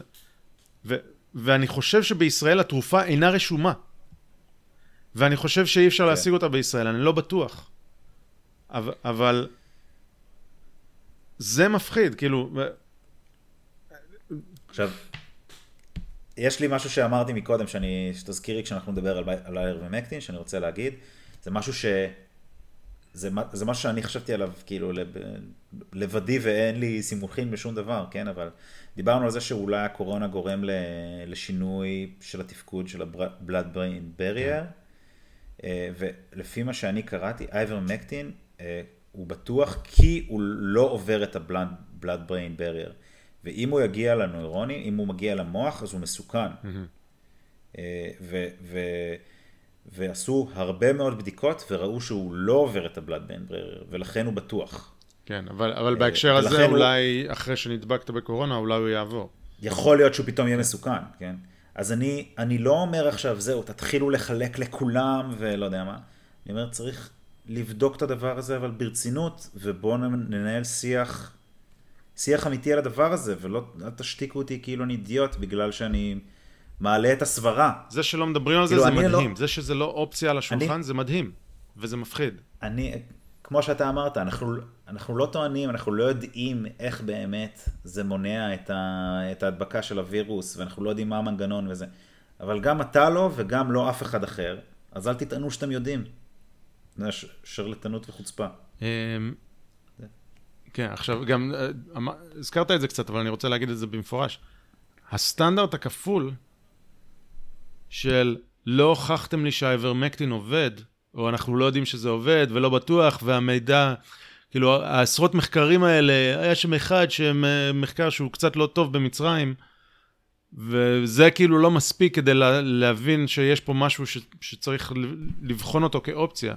לעומת הסטנדרט לא סטנדרט שלוש, של זריקה מספר 3, או של חיסון לילדים, שאין דאטה. ו- והכי מפחיד זה שאין דאטה על בטיחות. כן, זה לא על היעילות, זה וגם, על הבטיחות. אין. אז הסטנדרט שאתם אומרים, אני מאמין בחיסון, למה ככה? בלי נתונים, לעומת, אני לא מאמין שהאיברמקטין עובד, למרות כל העשרות מחקרים האלה, כי אה, יש פה איזה פסיק שלא במקום. החוסר אה, הלימה הזאת, או הדאבל סטנדרט הזה, הוא, אה, הוא הבעיה. ו... כאילו, כן. אין לי בעיה, תטילו ספק באיברמקטין, אבל תטילו ספק כן, בחיסון. בדיוק, ש- גם לשמור. וגם. אה, ו... היה, היה, כן, טוב, לא, דבר, דבר. אני, פשוט אין לי, אין לי את זה לשלוף, אז אני לא יודע אם אה, באמת, אה, היה, היה איזה נתונים כלשהם על, אה, על נשים בהיריון, או על... לא. ב- ביפן. אז זה- זה- זה נגיד משהו שראיתי ומאוד קפץ לי ומאוד חששתי, ו- ואחרי זמן מה הוכחתי לעצמי שאין מה לחשוש מה- מהדבר הזה. זה היה איזה מחקר שפייזר, בגלל... אני, ח- אני חיפשתי נתונים על זה. כן, בגלל חופש מידע ביפן, פייזר נתנו נתונים על משהו וזה היה חצי יפנית, חצי אנגלית וזה, והיה נראה כאילו יש מלא spike protein בשחלות ובמח עצם וזה, אבל אז הייתי צריך לחקור עוד, ו- ואני אמרתי, אוי ואבוי, כאילו, spike protein בכל המקומות האלה בשיעור, במיוחד בשחלות, במיוחד במח העצם, במיוחד בכבד או בטחול. ואז אחרי שהייתי צריך לחפור עוד וזה, אני, אני בגדול אמרתי, הנה, הוכחה, החיסון מסוכן, נגמר. אבל רגע, בוא נחקור עוד, ואז מסתבר שזה לא היה spike protein, זה היה... אה, אה, כל מיני אה, חלבונים או חומצות אמינו שקשורות... הפרוב שאותו... ש... כן, כן. אה, נכון, כאילו הפרופ שאיתו נותנים את, ה... את ה-mRNA, אז זה כאילו המעטפת, וזה בכלל לא הספייק פרוטין, זה משהו אחר, כן, וזה. וזה היה צפוי והכל. אז הנה, אני, אני, זה, אני מספר את זה כי זה סוג של הוכחה שאני לא מחפש את הסכנה, אלא ברגע שהנה, רואים שזה לא, שזה לא, דווקא זה לא הסכנה, למרות שאני, אה, זה היה מבחינתי רד פלג, אה, דגל אדום והכל, אז אני, אני מוכן לבוא ב- לקראת החיסון. אני, אני לא משתכנע מכל דבר, אני ממשיך לחקור כדי לראות האם כצעקתה. כן. אה, אוקיי. זה לא לטפוח לעצמי על השכם, אני פשוט אומר, אני רוצה לפקפק בהכל. גם כשזה בא ומשרת כאילו את ה... את ה דעה הקדומה משהו שכאילו יש לי עכשיו, שאולי יש פה משהו לא בטוח, כביכול דעה קדומה, אז אני מנסה להפריך אותה, והנה הצלחתי. אה, דיברנו על ההשתקה קצת, כן. אני רוצה להגיד עוד משהו על האיברמקטין. החברה שהפיצה האיברמקטין בעבר קוראים לה מרק, אחת מחברות התרופות הענקיות בעולם, והיא הפיצה האיברמקטין במשך עשרות שנים, אוקיי? שיווקה אותו, יש לו שם אחר, אתה יודע, לתרופות כאילו נותנים שם. ושיו... כן, ושיווקה וזה, והיה לה פטנט. והיא עשתה המון המון כסף על האיברמקטין, כי זו כנראה תרופה נפלאה. ועכשיו מרק עובדים על uh, תרופה לקורונה, תרופה חדשה, כאילו על טיפול וזה, ומה הבעיה? למרק כבר אין פטנט על האיברמקטין. האיברמקטין, אחד הדברים המדהימים בו, זה שזו תרופה בלי פטנט והיא מאוד מאוד זולה. אז מאוד זולה, מאוד בטוחה, עם הרבה ניסיון מהעבר, ונראה שמאוד יעילה. אבל אין פטנט. אז מרק הוציאו הודעה, שתקבלו את הקישור עליה, הוציאו הודעה, שימו לב, האיברמקטין זה תרופה לא בטוחה. למה? הנה, 1, 2, 3, כל מיני דברים וכל מיני נתונים שונים ומשונים. כי כן, יש תופעות לוואי, ולפעמים אתה מקבל שלשול, ולפעמים אתה זה. אבל מרק הוציאו הודעה נגד התרופה שהם ש... עשרות שנים שיווקו, ו... והמדענים של... שלהם זכו בפרס נובל, כן? אנשים שעבדו איתם.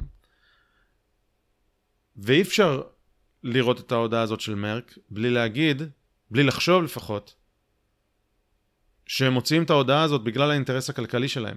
כי האיברמקטין עכשיו זו תרופה שהם לא עושים עליה כסף, כי כולם יכולים לייצר אותה, כי אין עליה פטנט, וכולם מייצרים אותה, ומרק רוצים שיקנו את התרופה הבאה שלהם שהם מפתחים, שעוד לא אושרה, ו... ולכן הם מוציאים אה, הודעה שעושה דיסקרדיט לאיברמקטין. עכשיו לא יודע, אולי מרק צודקים. אז אני אומר, אם הם צודקים ובאמת האיברמקטין לא בטוח, אז מה עשיתם עשרות שנים? אז זה מראה שלמרות שצדקתם הפעם, אסור לסמוך עליכם. 4 מיליארד פעמים, ארבע כן. מיליארד פעמים. וזה, אלה הדברים שמדברים, אה, קונספירטורים וזה. זה מראה שאי אפשר לסמוך על בעלי האינטרס הכי גדולים. ויכול להיות שהם אומרים אמת, אבל אני לא רוצה לסמוך עליהם בצורה עיוורת. לא על מנכ"ל פייזר, ולא על אה, מנכ"ל מרק, ולא מודרנה. אני מאחל להם רק טוב, ואני מקווה שהם אומרים אמת, אבל אני לא סומך עליהם בעיניים עצומות. ועוד נקודה סופר חשובה, אני יודע שאני מדבר הרבה. למה, עוד השערה, למה לא שמעתם על האיברמקטין? או, מה זה השערה? עוד פרט מידע מדהים שהופך את כל הסיפור הזה להרבה יותר מסריח. כחלק מהתנאים לקבל אישור חירום של ה-FDA, EUA, אה, אישור חירום נקרא EUA, חלק מהתנאים, אוקיי? אה, הם שלא תהיה אלטרנטיבה. זאת אומרת, זה חירום. זה אישור חירום, ו... ואם יש אלטרנטיבה, אז אי אפשר לשים, לתת אישור חירום. שמתי כמובן קישור, אבל זה תחת הפרוטוקול, זה נמצא סעיף אה, תחת אה, פרק 3, Emergency Use Authorization, B1D, No Alternatives. ואם האיברמקטין עובד כמו שתיארנו לכם כאן, או כמו שהמחקרים, המטה-מחקרים האלה מתארים, אז בו ביום שאנחנו מכירים בזה שהאיברמקטין עובד, אישור החיסון, למתן החיסון בחירום, צריך להישלל. בו ביום. למה? כי אלה התנאים. כי יש אלטרנטיבה, והאישור צריך להישלל. אז אחרי שאתם שומעים את זה, ואני לא רוצה להיות קונספירטיבי, מה זה גורם לך לחשוב? אני, אני שמעתי שיש דיבור על זה שפייז, ש-FDA הולך לאשר את החיסון של פייזר בקרוב. את החיסון השלישי, את הבוסטר. לא את הבוסטר, את החיסון עצמו כאישור, כאישור רגיל ולא כאישור חירום, וזה יקרה כנראה בספטמבר או משהו כזה. אה, זה, זה מה ששמעתי. Okay. אוקיי, אולי, אולי התהליך היה תקין, אולי לא, ולא לא האמת. אה, אבל, אבל כן, זה אולי גם מתקשר לזה ואולי לא, אני לא יודע. אני אומר, יש הרבה אנשים שקל להם לחשוב על הדלת המסתובבת בין יצחק תשובה למשרד האוצר, נכון? קל להם לחשוב על הדלת המסתובבת, הפקידים שם מקבלים אחרי זה תפקידים אצלו, אבל הם לא מצליחים לשים בראש שלהם את זה שאולי יכולה להיות דלת מסתובבת בין פייזר ל-FDA. עכשיו אני לא אומר שזה קורה, אני רק אומר שיש פה נוריות אזהרה שאסור להתעלם מהן, ו- וצריך לדבר על כל האופציות ברצינות. וזהו, אנחנו עומדים לסיים, אני רק אגיד שיש לנו פה עוד בכישורים הרבה מאוד שיחות, חלקן אה, הרבה מאוד מידע ושיחות ווידאוים והסברים על האיברמקטין, על הבטיחות, על הזה. חלק לא קטן מהן שיחות של ברט ויינסטיין, ויינסטיין, שהוא פשוט בן אדם חכם ומתון, שאומר, בז... ומאוד זהיר, שאומר בזהירות, אני לא יודע, כן. תראו, זה הסימנים, זה צריך לס... והוא מדבר על האיברמקטין ועל הצ... והחששות מהחיסון והחששות מקורונה, הוא לא מכחיש קורונה, גם חושש מהווירוס אני, מאוד. אני לא חושב שתפסתי אותו, אני לא חושב, שת, אני לא חושב שתפסתי אותו אף פעם בטעות, כי הוא פשוט באמת מאוד זהיר במה שהוא אומר. הוא לא אומר ש... אף פעם שום דבר נחרץ, והוא אומר... אה, מסייג, הוא אומר, יכול להיות שאנחנו לא מבינים את התמונה. שואל שאלות. וזה, כן. ו- ולכן כמה מהשיחות פה הם איתו, ואנחנו ממליצים לראות, תסתכלו על הרשומות שפה בתחתית הפרק, ותמצאו מלא מידע ומלא כישורים. אני, עד כמה שאני יודע, היום לא ניתן להשיג האיברמקטין בארץ. הנה פרט רכילות uh, מעניין, אני uh, בקרוב עובר חזרה לישראל, סיימתי את השליחות שלי בארצות הברית, ואני מתכוון להביא איתי uh, תרופה. אני מתכוון להביא את האיברמקטין. אם באמת אי אפשר להביא את זה ל- לישראל, או סליחה, זה לא תרופה רשומה, אז אני, יהיה לי מרשם ואני, ואני אביא את זה איתי. וזה מטורף שאי אפשר להשיג את זה בארץ. ו- ואם זה, כן. אם כל מה שאמרנו פה הוא נכון, ואפילו אם האיברמקטין יעיל ב-70 אחוז, אפילו אם הוא יעיל ב-40 אחוז, זו שערורייה שאנחנו לא משתמשים ו- ואסור לנו להשיג את זה בארץ. זה שערורייה. כן.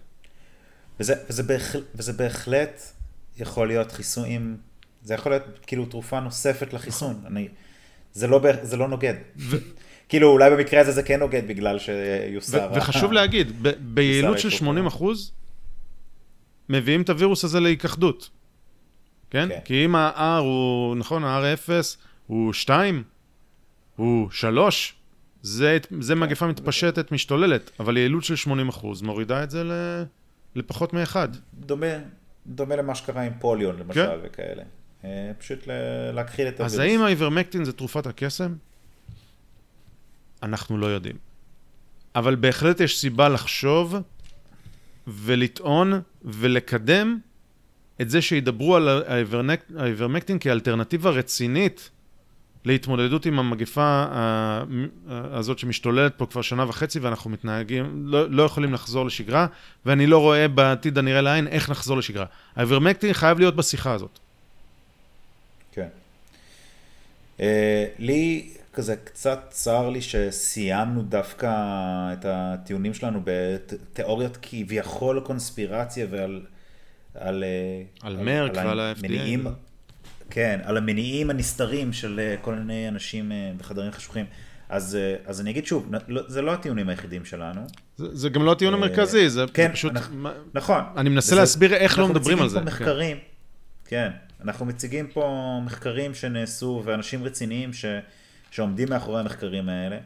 אה, אני, אם מישהו רוצה להציג איזה, על איזה פולט, על איזה, איזו בעיה באחד המחקרים האלה וזה, נשמח, נשמח לדבר על זה, ו... אבל גם, אני לא חושב שאפשר להצביע על, על אה, בעיה שתגרום לכך שאין מה לדבר על זה, כן? אה, ו... אבל שם אנחנו כרגע, כרגע לא מדברים על זה. זו הבעיה העיקרית שלי. אוקיי, okay. הרבה מאוד מידע ברשומות פה. אמ, דברו איתנו. אוקיי. כן, נשמח לשמוע, אם, אם אתם אה, יושבים בבית ומתפוצצים, איזה שטויות אתם מדברים, אה, תכתב, תכתבו לנו מייל בטוויטר, באיפשהו, ואני אשמח לדסקס איתכם בנושא. אמ, על הכיפאק. יש לך המלצת תרבות? אה, לא, סוף סוף הגעתי לספר של שמחה רוטמן, למפלגת בג"ץ. אני סיימתי את ההקדמה אתמול, סוף סוף זה קורה, אה, כבר אני יכול להמליץ, זה, זה, זה כתוב כיף. מפלגת בג"ץ של שמחה רוטמן, טוב, אני, אני אמליץ, הזכרתי בעבר את הפודקאסט של מייגן קלי, אה, בהקשרי פרק מסוים. אני, באופן כללי אני ממליץ על הפודקאסט הזה, היא הוציאה השבוע... שבוע האחרון, ראיונות עם עיתונאים שעוקבים אחרי מה שקרה בשישה בינואר, או מה שקרה אחרי שישה בינואר, וטוענים ש... בגבעת הקפיטול. כן, אבל הם לא מדברים על מה, כל כך על מה שקרה, אלא על מה שקרה אחרי. אה, על איך רשויות האכיפה והחוק והמשפט מתנהלות אחרי. אה, לא כיף. לא כיף. אה, מעניין. ודורש פרק, אני לא רוצה להגיד אפילו מה, כי אני לא רוצה שנפתח את הזה, ולא רוצה לסיים בזה, אבל לא כיף. טוב, עד כאן אה, פרק עתיר אה, מידע כן. ולפרקים טכני, אבל אני חושב שרצינו גם להוציא אותו לפני כשבוע, לא הצלחנו, והחיים עצמם, מה שנקרא. אה, אז קצת חבל לי שאנחנו טיפה בעיכוב אל מול מה שקורה בארץ עם החיסון השלישי וזה, אבל עדיין, אני חושב שהוא בזמן סופר רלוונטי. ואם חידשנו לכם, אה, ואולי אפילו שכנענו אתכם בדבר כזה או אחר, אני חושב שזה אה, ממש שווה את זה. זהו, עד כאן, עד הפעם הבאה. ביי ביי, היה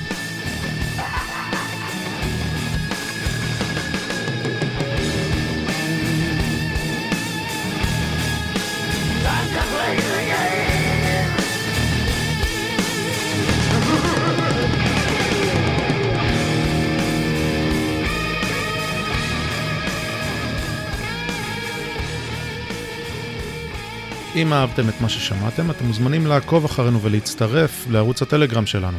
אתם יכולים לעקוב אחרינו בטוויטר, לשלוח לנו מיילים, לכתוב לנו תגובות באתר, ולשתף עם כל החברים שלכם שאתם חושבים שהתעניינו בזה. כל תגובה שלכם, הערה, פידבק, הצעה לאורחים, מיילים זוהמים, מה שתרצו, רק עוזר לנו להשתפר ולתת לכם מוצר יותר טוב. תודה שהאזנתם, עד הפעם הבאה, להתראות.